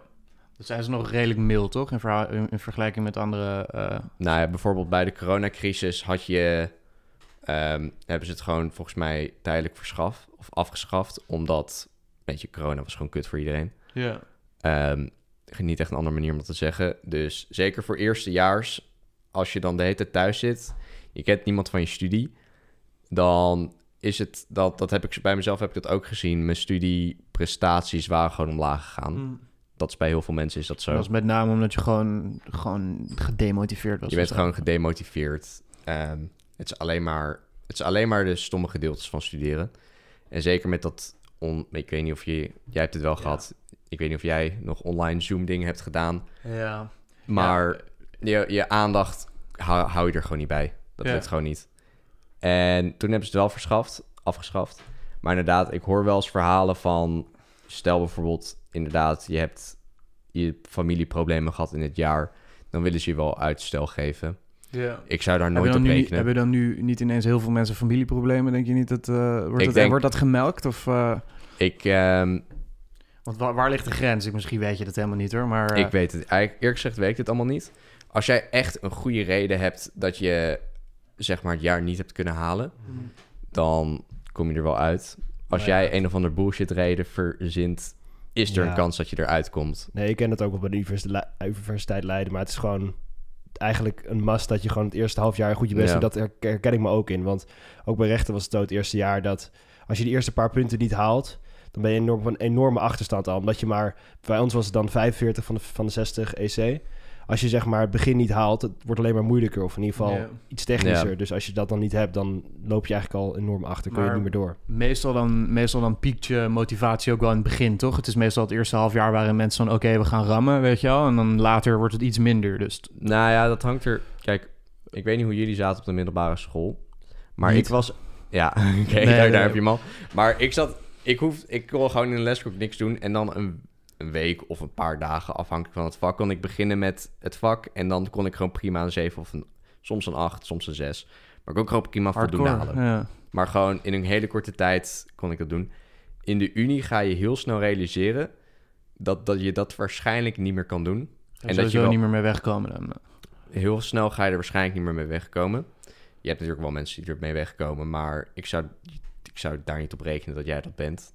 Maar is Iedereen, inderdaad iedereen wel... denkt dat hij dat is, denk ik. Ik Ja, maar wel echt vanaf dag 1 of vanaf week 1, hoe je het wil zeggen, ehm, zit er gewoon aan. Probeer te leren en probeer het niet allemaal last minute te stampen, want dat gaat je niet lukken. En ik heb van meerdere mensen geze- gezien en gehoord van... Ja man, op de middelbare school had ik altijd alleen maar achter met een week te leren en nu... eh, nu, ja, nu heb ik een 1 gehaald. Wat de fuck is dit? Mm, Dus ja, gewoon vanaf dag 1 gewoon wel echt je best doen. ja, want het, is, het, is, het, is, het valt niet te vergelijken, toch? Die twee dingen, 6 VWO en, eh en 6 eh. VWO en de Unie, het is wel echt heel anders. Ja, En ook ja er, wordt weer- gewoon, er, wordt- je wordt- er wordt gewoon meer als een volwassene naar je gekeken, denk ik. Je Ja. moet gewoon meer, weet je wel, je moet gewoon volwassener zijn, meer verantwoordelijkheid nemen, meer eh, discipline en dat soort shit. Dat is gewoon, toch, dat, dat hoort er gewoon bij dan. Precies. En daarom, daarom gaan er ook heel veel mensen gewoon het eerste jaar op hun bek. Dat, dat hoort er ook wel bij, toch? Ja. Ik vind eigenlijk wel, nou ja, het hoort, ja, nou ja. Je hebt sommige mensen, sommige, ik ben zo iemand, ik moet zelf vallen om te leren. Ja. Ik, iemand kan 80 keer tegen mij zeggen van Stijn, niet die fucking bomen klimmen, want dan ga je vallen.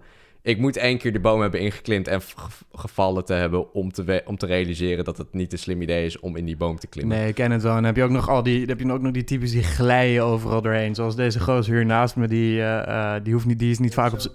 op z'n be- Hoezo is dat niet waar? Nee, ja, ik, ik glij Oeh. niet. Als jij wil zeggen ik overal heen glij, is dat niet zo. Omdat ik gewoon best wel Oh. heel hard moet studeren. Maar wat bedoel je precies? Ja, nou, gewoon van... Het is niet van... Jij, jij bent niet heel vaak op je bek gegaan in de zin van... Jij hebt al van nature redelijk al die discipline. Je, had allemaal, je hebt al je vakken wel gehaald en zo. Ik, ik, ik kan me niet een moment in mijn leven herinneren dat jij echt zo had van... Ik zit nu echt te struggelen met eh studie-wise, met middelbare school, basisschool of... eh, Nou, ik heb wel een moment gehad.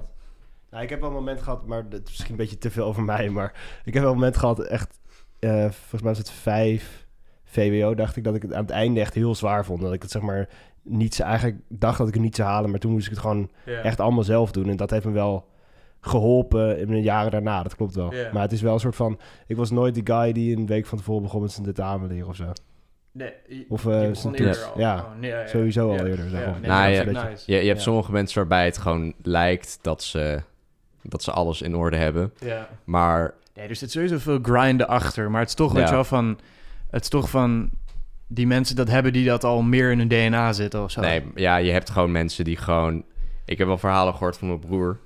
eh, die econometrie in Groningen doet. En dat je, gewoon, dat je er gewoon gasten bij hebt...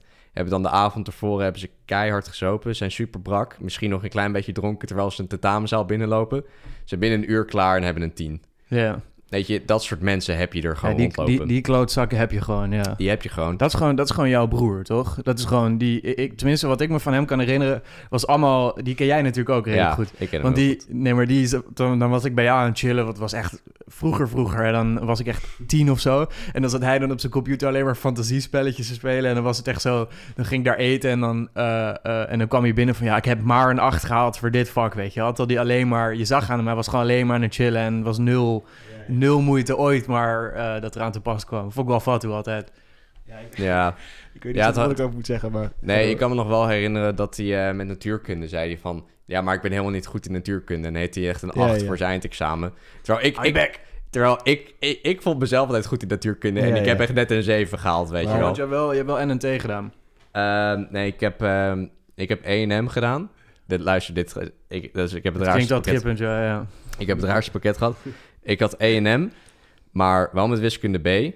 En aangezien ik dyslectisch ben, hoefde ik geen ehm vreemde taal te doen. Dus toen heb ik er... ehm, ja, dus had ik eigenlijk een soort van natuurkunde in plaats van Frans of Duits. En dan had ik volgens mij aardrijkskunde nog. En wiskunde B. Dus ik zat echt een soort van op het randje van... Ja, want het raar is dan, dan kun je zeg maar net niet die studie doen en net niet die studie, maar dan wel, weet je wel, je kan Ja. eigenlijk niet veel meer dan dat je als je E&M gewoon doet. Want ik doe E&M, maar dan met alleen wiskunde B erbij. Want dan dacht ik Mhm. van, oké, dan zou je in principe ook nog psychologie kunnen meepakken of, eh, of econometrie bijvoorbeeld. Dat, Ja. dat is dan de... de dat, jij hebt ook E&M gedaan, toch? Of niet? Ja. Ja, Ja, ik vond het altijd jammer dat het was altijd of, weet je, het was of een maatschap, maatschappelijke studie of een natuurkunde Mm. of een pak, pakket. Ik zit helemaal met mijn kop bij, maar net over de middelbare school nu. Ehm, ik, ik had gewoon altijd gewoon, ik wou gewoon altijd dat er een, dat er een pakket was als ehm E en N, gewoon economie en natuurkunde. Mm. Dat je, want ik wilde eigenlijk liever ook scheikunde doen, Ja, maar dat Want natuurkunde zit eigenlijk vast aan scheikunde. Ja, maar ik wilde eigenlijk ook gewoon graag scheikunde doen op de middelbare school. Maar dat kon niet, omdat het paste niet in het pakket. Hmm. Omdat ze dan met roosters gaan ze in de... Maar hadden had jij dan niet gewoon beter NNT kunnen doen? Want dan heb je eigenlijk alleen dan Ja, heb je maar- wel eh, bio. Dan, Ja, toch? maar ik wilde dan weer geen bio. En dat is ook raar dat bij onze school zat biologie zat vast aan NNT. Dus eigenlijk het enige verschil tussen ehm, NNG en NNT Mm. was dat je bij NNT moest, had je, moest je scheikunde, bio en natuurkunde doen. Ja. En bij NNG moest je alleen maar scheikunde en bio doen, volgens mij. Maar jij, hebt- jij hebt geen spijt dat je geen bio hebt gedaan. Want ik heb eigenlijk, eh, ik heb eigenlijk altijd spijt gehad van... Omdat bio vind ik eigenlijk wel heel interessant, weet je wel. Ik, ik heb eigenlijk wel spijt gehad dat ik dat niet mee heb genomen. In de, Ik, ehm, ik heb daar eigenlijk heel weinig spijt van, want ik vond bio gewoon niet leuk. ja, want het is wel een soort van vak waar... Ja, precies, in de middelbare school denk je daar niet aan dan. Want het komt meestal dan pas later, bij mij ook, weet je wel. Maar het is wel een vak dat op zich leert je wel al veel dingen... Weet je wel, die je wel nog wel redelijk wat aan hebt. En dat waar je Ja. interesse uiteindelijk wel groter in wordt. Voor iedereen wel, denk ik. Nou ja, ook zeker als je een beetje inspiraties hebt, bijvoorbeeld om een beetje om een beetje fit boy te worden, of fit girl, of fit girl, alle, of fit alles wat er tussenin zit. Om, ja, om ja. weer even daar, zeg maar, dan is het al wel handig dat je weet wat, wat, wat koolhydraten, wat, wat Hoe- hoe eiwitten, die dingen- wat hoe die vetten dingen- zijn. Ja, alleen, ik weet je, kijk, daarom ben ik zo blij met deze, deze tijd. De- daarom deze, ben ik zo blij dat ik deze tijd waar we nu in leven, gewoon dat je gewoon... Je hebt eigenlijk gewoon informatie en alles heb je zo snel. Ik heb gewoon... Ja. Kijk, ik heb op bio, kan ik me nog herinneren... dat ik op een gegeven moment zo'n hoofdstuk had gelezen... over die, eh, eh, hoe, weet je, eiwitten en al dat soort shit. Ja. En toen eh, kreeg ik inderdaad in, in, toen zo'n motivatiespike. Ik kan me nog heel goed herinneren waar ik toen was. Ik dacht van, oké, nu ga ik naar de gym, weet je wel. Ja. Ehm, maar ik vind het zo fijn dat je nu ehm, kun je gewoon op zo'n podcast of whatever, je, hebt- je, hebt gewoon, je kan het gewoon easy opzoeken en je kan meteen een soort van hele, ja, bijna hele lessen krijgen van drie Ja. kwartier over hoe, je, hoe dat allemaal werkt en hoe je, weet je wel, hoe je de balans van koolhydraat, vet, eiwitten en Mhm. hoeveel je lichaam opneemt. Weet je, want ik dacht, toen ik een periode naar gym ging, toen pompte ik gewoon 100 gram eiwitten naar binnen op, weet je wel, in twee keer. Maar ja, je lichaam neemt maar maximaal 30 gram eiwitten in één keer op, weet je wel. Dus dan heb je gewoon een 70 gram eiwit dat gewoon compleet waar je niks Ja. aan hebt. En dan heb je van die gasten op die YouTube-accounts die gewoon allemaal van die scoopjes erin knallen de hele tijd, terwijl je lichaam weiger, weiger delete dat gewoon meteen eigenlijk. De dan 80% daarvan, weet je wel. Ja. Dat is Ja, gewoon wel die die- shit die best wel heel belangrijk is om te leren. Ja, maar je leert het ook op een... Ik kijk bijvoorbeeld op de middelbare school, bij bio... ehm, dat is niet wat je... Dat is niet, je, je leert volgens mij niet bijvoorbeeld van je lichaam kan maar 30 gram eiwitten. En het is belangrijk dat elke maaltijd die je eet is twee minuten van...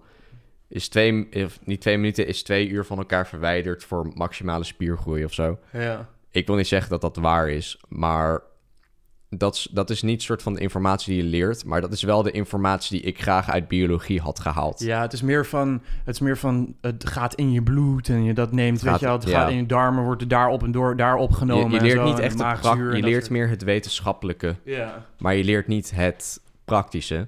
Nee, dat Misschien wel- is het ook ja. voorbereidend wetenschappelijk onderwijs. Ik, eh, ik weet niet waar VWO voor staat, maar volgens mij is het zoiets. Ja, maar HAVO is gewoon hetzelfde, maar dan net iets, iets kleiner of zo, toch? Dan is het net iets meer compressed Volgens mij is het net ietsje makkelijker. Ja, want ik had Ja, altijd dat het gevoel dat het gewoon... Het is misschien iets simpeler verwoord. Het kan wel in iets minder termen, maar het, voor mijn gevoel was het vooral gewoon iets minder. Dan was een paragraaf in plaats van drie pagina's, was het gewoon anderhalf pagina of één pagina of twee pagina's zo. Dat, dat was altijd mijn gevoel met het verschil Ik denk HAVO dat het is. Het is gewoon minder en makkelijker. Ja? Oké. HAVO, ja. Dat is het Ik heb het, ik heb het, ik heb nooit HAVO ik weet het ook gedaan, niet. Ik heb het gevoel dus ik zou niet dat, weten. het- vooral dat de stof niet per se veel makkelijker was. Ik had altijd eigenlijk het gevoel dat de toetsen makkelijker waren gemaakt. Dus Ja, maar- de stof is eigenlijk, is eigenlijk gewoon hetzelfde, maar dan een pagina korter. En de toetsen, ja, oké, het is niet... Uiteindelijk gaat het om de getoetste stof. Nee, precies. En de toetsen waren gewoon wat makkelijker te verwerken of zo, denk ik. Dat, dat het gewoon iets minder vragen waren. Nou, wat ik altijd hoor is ehm, bijvoorbeeld op, bij rechten, maar dan gaan we nu naar de universiteit. Maar bijvoorbeeld bij een fiscaal vak, dan geeft je een hele hoop informatie. En dan is het van, wat zijn de gevolgen? En HAVO is, ik had altijd gehoord dat HAVO is meer van dat ze echt een soort van naar de, naar de kennis vragen. Ja, oké. Dus zeg maar van, oké, ehm, Ja, ja. Dus hoe, hoe, hoe werkt eh, deelnemings, deelnemingsvrijstelling? Weet je, dat is dan een bepaalde term. ja, en dan, en dan moet er- je dat ja. uitleggen hoe het werkt. Maar je moet niet uitleggen hoe het in de.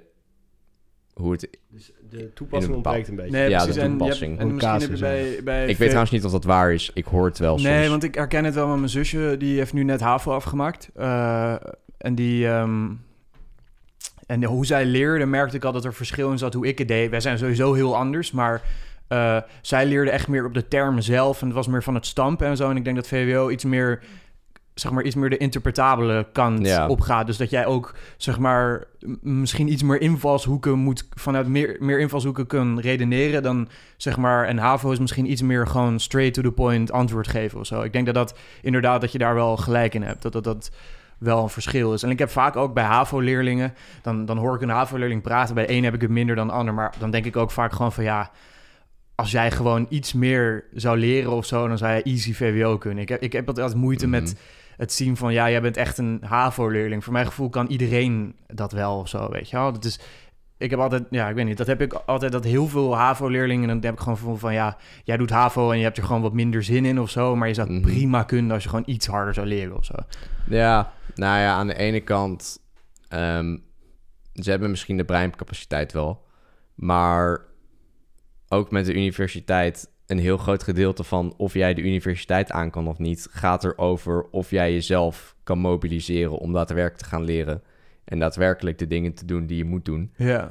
En je kan altijd wel zeggen van... ja, hij zou het wel kunnen... maar kan hij dat wel echt? Of moet hij wel een soort van zichzelf veranderen... Ja, om- maar in principe is dat bij iedereen mogelijk, zeg maar. Je zou, iedereen kan op een gegeven moment een moment in zijn leven hebben...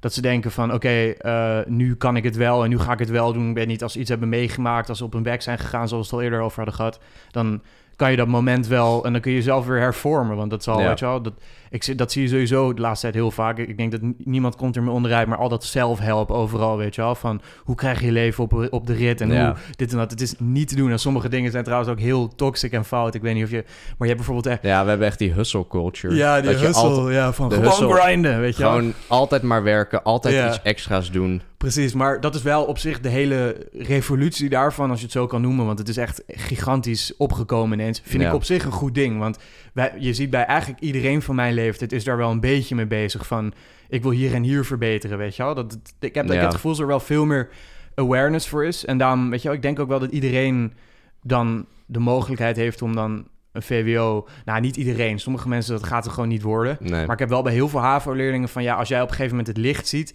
is het uiteindelijk ruk dat je HAVO hebt gedaan... omdat je dan niet toch nog die Nou, kant op kan of zo. Wat je wel moet realiseren is dat het van, HAV, van HBO naar universiteit gaan, dat is volgens mij...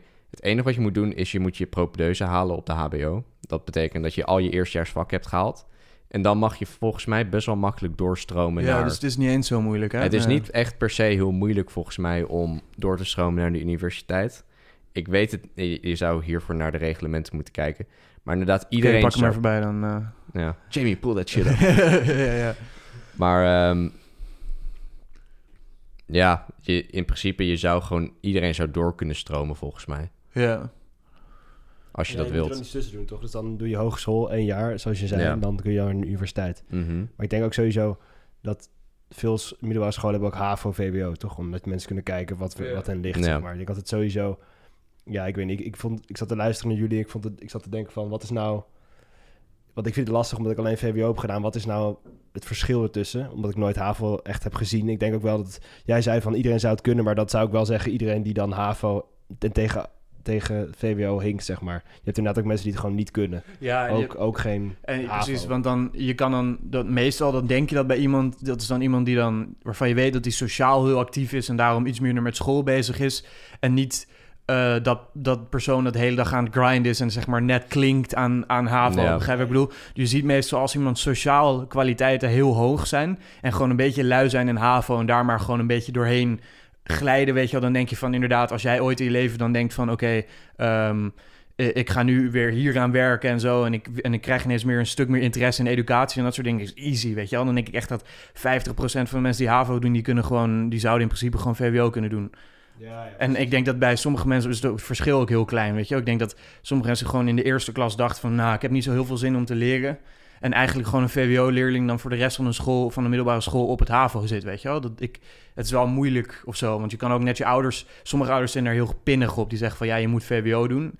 En dat is meestal dan een goede keuze en soms niet, weet je wel. Soms is het iemand, maar... ehm, en als ze dat niet zijn, dan heb ik soms het gevoel van... ja, je doet HAVO terwijl eigenlijk gewoon wel veel meer kan. En zeker, ja, eh, ja zeker bij mij eh, op school dan, weet je wel... Mhm. Ja, nee, eh, ik- eh, ik Nou ja, wat, wat ik in ieder geval wel kan zeggen... ehm, want we hebben op dezelfde middelbare school gezeten. Ik heb jij VWO of HAVO gedaan? Ik heb daar... Nou, nee, ik heb, eh, ik heb VWO, eh, toen ben ik blijven zitten. En toen Mhm. eh, ehm, heb ik hem op een gegeven moment, ben ik verkast naar eh de Winford. Dat zit bij het Amsterdamse. Ah, ik weet niet of je dat kent. Maar ehm, nee, ik, eh, ja, nee, klopt. Maar in ieder geval, wat, wat ik in ieder geval zag bij ons op VWO... en wat ik ook bij mezelf zag... iedereen kon er wel een schepje bovenop doen. Mm. Het was, iedereen had wel echt iets beters zijn best kunnen doen. Nou, ja, dan, dan met iedereen, dan zeg je iedereen. Maar dan bedoel je eigenlijk gewoon het grootste gedeelte van de mensen. Ja, 90 procent, ja. 90% had echt wel ietsje beter zijn best kunnen doen. Ehm, en ik denk dat het ook op, op de HAVO is dat vast en zeker ook wel waar. Ik weet eigenlijk niet waar ik hiermee naartoe ga. Nee. Ik heb dat soms ook wel, hoor. Dan begin ik aan een verhaal, maar... Misschien moet je even terug naar de universiteit, want daar zijn mensen toch echt voor. Ik denk dat mensen, de mensen die dit luisteren, ja. toch voornamelijk aan het einde van de middelbare school zitten. En niet, eh, ja, niet zeg maar... Nee, maar het is, altijd, het is ook altijd wel goed om Het even is wel terug goed om te kijken. terug te kijken, maar ik denk, ja... Ik denk, ik denk Tenzij de mensen die nu op de middelbare zitten of zo, als die, stel die dit luisteren, ik denk eigenlijk, volgens mij is de majority van de mensen die nu geluisterd hebben, zijn eigenlijk al studenten. Ehm, maar ik denk op zich wel, iedereen denkt daar wel eens over na, toch? Dus op zich wel het gesprek van HAVO, VWO, hoeveel maakt het nou uit? Ik, Ja, ik denk dat het onderscheid eigenlijk helemaal niet zo groot is. Ik zeg ook niet dat het geen zinnige discussie meer is, maar het is meer omdat het toch vooral voor fiscale economie dan mensen luisteren, denk ik. Zeker als je nou, helemaal ik, zeg, ik, einde zit. ik, ik zeg, kom hier met je brandende, brandende Wat vragen. heb je nog die- brandende vragen, inderdaad? Ja, nee, ik, daar, dat, dat is wel een ding. Ik zit nog even na te denken van... Want ja, fiscale economie... Ik vond dat toen je dat eerst zei dat je dat ging doen... vond ik dat een beetje lastig. Omdat in hoeverre wijkt het nou af van... Ja, economie eh, heb je als studie. Ja, En dan heb je fiscale economie. Maar dan neem ik aan dat je ook een soort economie... Algemene economie ja, theorie ja hebt. zeker. Meer macro En- en schaal. Macro, Als je ja. ja, dus macro vooral eigenlijk. Dus, dus Ehm, vergelijkbaar met de middelbare school economievak... of is het echt anders? nou, het hangt...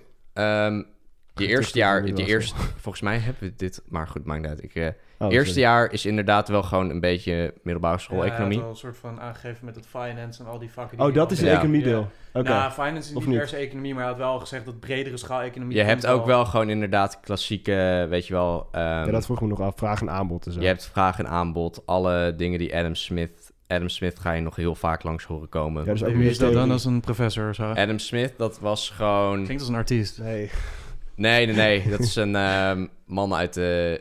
Ja, van Volgens de vrije markt, toch? Ja, heel hij- hij was- liberaal Oh, goed. Ke- Ben, ben ik nu, nu echt heel debiel aan het doen dat ik niet Adam Ja. Smith ken?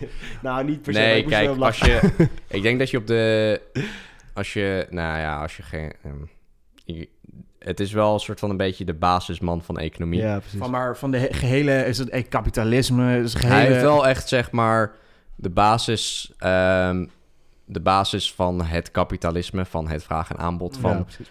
Als jij bereid bent om een appel voor 1 euro te kopen en ik ben bereid een appel voor 1 euro te verkopen, dan hebben wij een deal. Dat is wel zijn hele idee.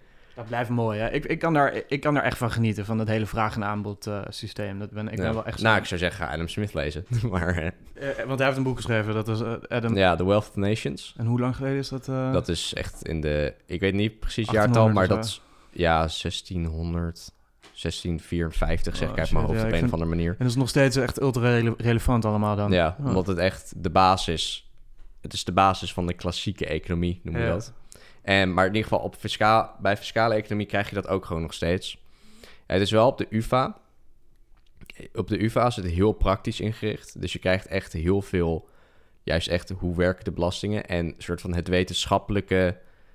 ehm, achter de economie, dat krijg je niet heel veel. Ik had bijvoorbeeld volgens mij wel in Tilburg en in Rotterdam... gaan ze wel ook echt heel veel in op het wetenschappelijke...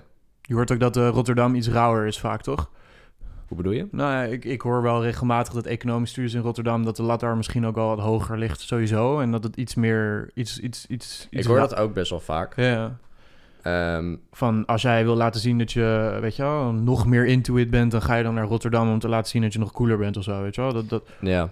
Ja, nou, het ik, ik hoor inderdaad altijd wel dat voor economische studies... wil je echt het best van het beste, de crème de la crème...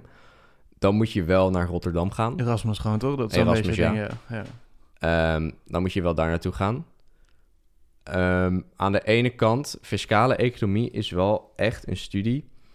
Wat jij op de universiteit leert, is niet eens de helft van de kennis die je op gaat doen terwijl je aan het werken bent. Nee. Ja. Het is echt, en ook zeker nog met de, om over fiscale economie. Het is ook wel echt een studie van in je twee, tegen, aan het eind van je tweede jaar, begint het derde jaar, kan je al stages gaan lopen bij grote, zeg maar, belastingkantoren. Je bent al heel snel, ben je praktisch, kan je al dingen doen. En Ja, dat is wel fijn, want ik denk dat heel Ja. veel mensen denken die dit willen gaan eh, studeren, die, eh, die denken vaak. Ik denk dat als jij hier naar kijkt, dan denk je: oké, het is rauw, maar ik moet de bullet even bijten of zo, weet je wel. Ja. Maar jij zegt eigenlijk is het best wel gewoon praktisch dan. Er wordt best wel veel Het is- praktische dingen ingericht. Het wordt zeker, de UvA is heel praktisch in die zin. Ehm, en ook gewoon in die zin van. Het is niet een studie van. Oké, je doet je bachelor en dan je master. En dan, en dan word je soort van in de wereld gegooid. En ga maar ergens werken. En dan moet je het verder allemaal uitzoeken. Net zoals een beetje met wiskunde of zo. Dat, dat, dat Ja. is zo. eh, Het is wel echt een studie van. Voordat je überhaupt al uit. Voordat je überhaupt je master al hebt afgerond. Ben je al. Als je het goed hebt. eh, Als je het voor jezelf goed hebt gefixt. Ben je al in contact geweest met heel veel bedrijven. ja. Waardoor dat ook in bijvoorbeeld in dat lijstje van het AD, dat volgens mij de tijd totdat de meeste mensen nadat ze zijn afgestudeerd, totdat ze een vaste baan hebben, is volgens mij twee maanden of En zo. meteen ook al een goed inkomen dan in die Meteen. zin natuurlijk. Ja. Ja, weet je, dat kan je ook altijd. Je kan het niet over een belastingadviseur hebben zonder dat je kan zeggen van ja, je verdient er echt heel goed mee. Ja, Je verdient er echt heel comfortabel mee. ja. Maar je ver- het is ook gewoon. Maar het, is ook, het lijkt me ook heel fijn dat je dan, als je die studie doet, dat je ook heel veel in contact bent met, dat, met die echte wereld al, weet je wel. Dat, Ja. dat, dat, als je dat dichterbij brengt, denk ik dat je studie ook A, veel leuker wordt en, en makkelijker gemotiveerd bent. Je, Dus je, dat slaat de stij- je slaat de spijker op zijn kop. Dat is echt heel erg waar. Want je, wat ik ook al net zei, van de dingen die je nu leert, je realiseert je van, dit is echt wat ik later ga doen. En dit is waar ik later mee bezig ben. ja. En ook zeker als je echt veel met dat bedrijfsleven, Want je gaat ook bijvoorbeeld bij mijn studievereniging, we organiseren ook bijvoorbeeld dingen zoals VTO's. Dat noem je een vaktechnisch overleg. Wel. Dat, die dingen moeten altijd voor mij even uitgelegd Ja. worden. Eh, wat dat eigenlijk inhoudt, bij advocatenkantoren hebben ze dan zo'n... Dan gaan ze eigenlijk gewoon bij elkaar komen. Al die hele slimme advocaten en economen gaan dan bij elkaar komen zitten. En dan gaan ze het bijvoorbeeld hebben over... Bijvoorbeeld laatst had je met Uber had je, ehm, iets over... Had je, had je een zaak over of nou de bezorgers van Uber Eats... of dat echt mede... of dat werknemers zijn Ja, er is nu heel veel eh, shit over daar. Ja, en dan ga je in principe ga je dan als groep ga je bij elkaar aan tafel zitten en dan ga je het over hebben van hoe zit de situatie nou echt in elkaar. Mm. En vaak doe je dat ook bijvoorbeeld met studenten erbij. En dan kan je echt van een partner van bij een groot bedrijf leer je van hoe kijken zij nou naar zo'n zaak. En dan zie je echt van oké, de, de basiswetten die ik leer van wanneer is er sprake van een arbeidsverhouding, dat, dat leer je allemaal op de unie.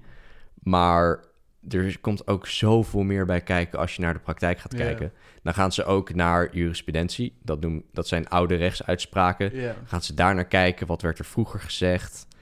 Ehm, als we kijken naar de beginselen van het recht. Mhm. Dus wat... Dat zijn gewoon een paar waarden die we als samenleving hebben gezegd van... Dit moet het rechtssysteem. Loopt wat er vandaag de dag gebeurt, loopt het wel overeen met de beginselen? En dan realiseer je opeens van hoe meer genuanceerd een situatie is dan wat er in de wet staat. Ja. En als je dat soort dingen leert, dat, dat in ieder geval mij motiveert dat wel echt Ja, om Ja. meer aan je studie te doen. Omdat je realiseert je van, hey, ja, je kijkt er ook anders naar. je, kijkt, je gaat er anders naar kijken. Ja. Het is... Ja, Ja, Je gaat er anders je, naar je, kijken. moet, je, moet, je moet ook wel voorkomen, denk ik, want dat hebben genoeg studies. En ik hoorde dat volgens mij een keer van econometrie. Eh, je moet gewoon echt voorkomen dat je te ver van de werkelijkheid af gaat staan, weet je Ja. wel? Van, ik was dan bij zo'n groepje, ik weet niet meer hoe dat heet. Het heet eh, Young eh, Professionals of zo. oh, young, young Urban Professionals. Ja, er is iets, zo, zo'n groepje of zo. Er was zoiets, inderdaad. Of En- nee, ehm, ik, ik, ik ben er nog een keer op LinkedIn, ben ik door iemand van een ja, ja dit- het is zo'n ding. En dat is dan... Want dan, als je zeg maar een econometrie bijvoorbeeld doet... dat kan best wel rauw zijn. Je kan ook best wel weer ver verwijderd raken van de realiteit, zeg maar. En dan heb je Mhm. ook nog van die groepjes. Dus stel, jij gaat zoiets doen... heb je ook van die groepjes die zorgen dat je... Want jij, jij merkt nu al dat je al meer in touch bent met dat. En dat is natuurlijk... Ik denk Ja. echt dat het heel belangrijk is. Ehm, eh, dus stel je hebt dat gevoel van... ja, je raakt een beetje out of touch. Dan heb je ook nog al die groepen en dat soort dingen... die je gewoon Mhm. iets meer in verband brengen met alle, eh, weet je wel, alle bedrijven en die dingen die er gewoon in de echte wereld van zo'n, Ja. van zo'n ja, sport, van zo'n studie eh, te Mhm. maken hebben. En dat is wel, ik, ik, vind wel, ik vind het wel belangrijk dat dat, dat, dat contact er blijft. Want dan, dan weet je ook wel, oh ja, hier doe ik het voor, weet je wel. Dat, Mhm. het, is wel het is wel van waarde. Ja, je kan inderdaad heel snel door de bomen het bos niet meer zien.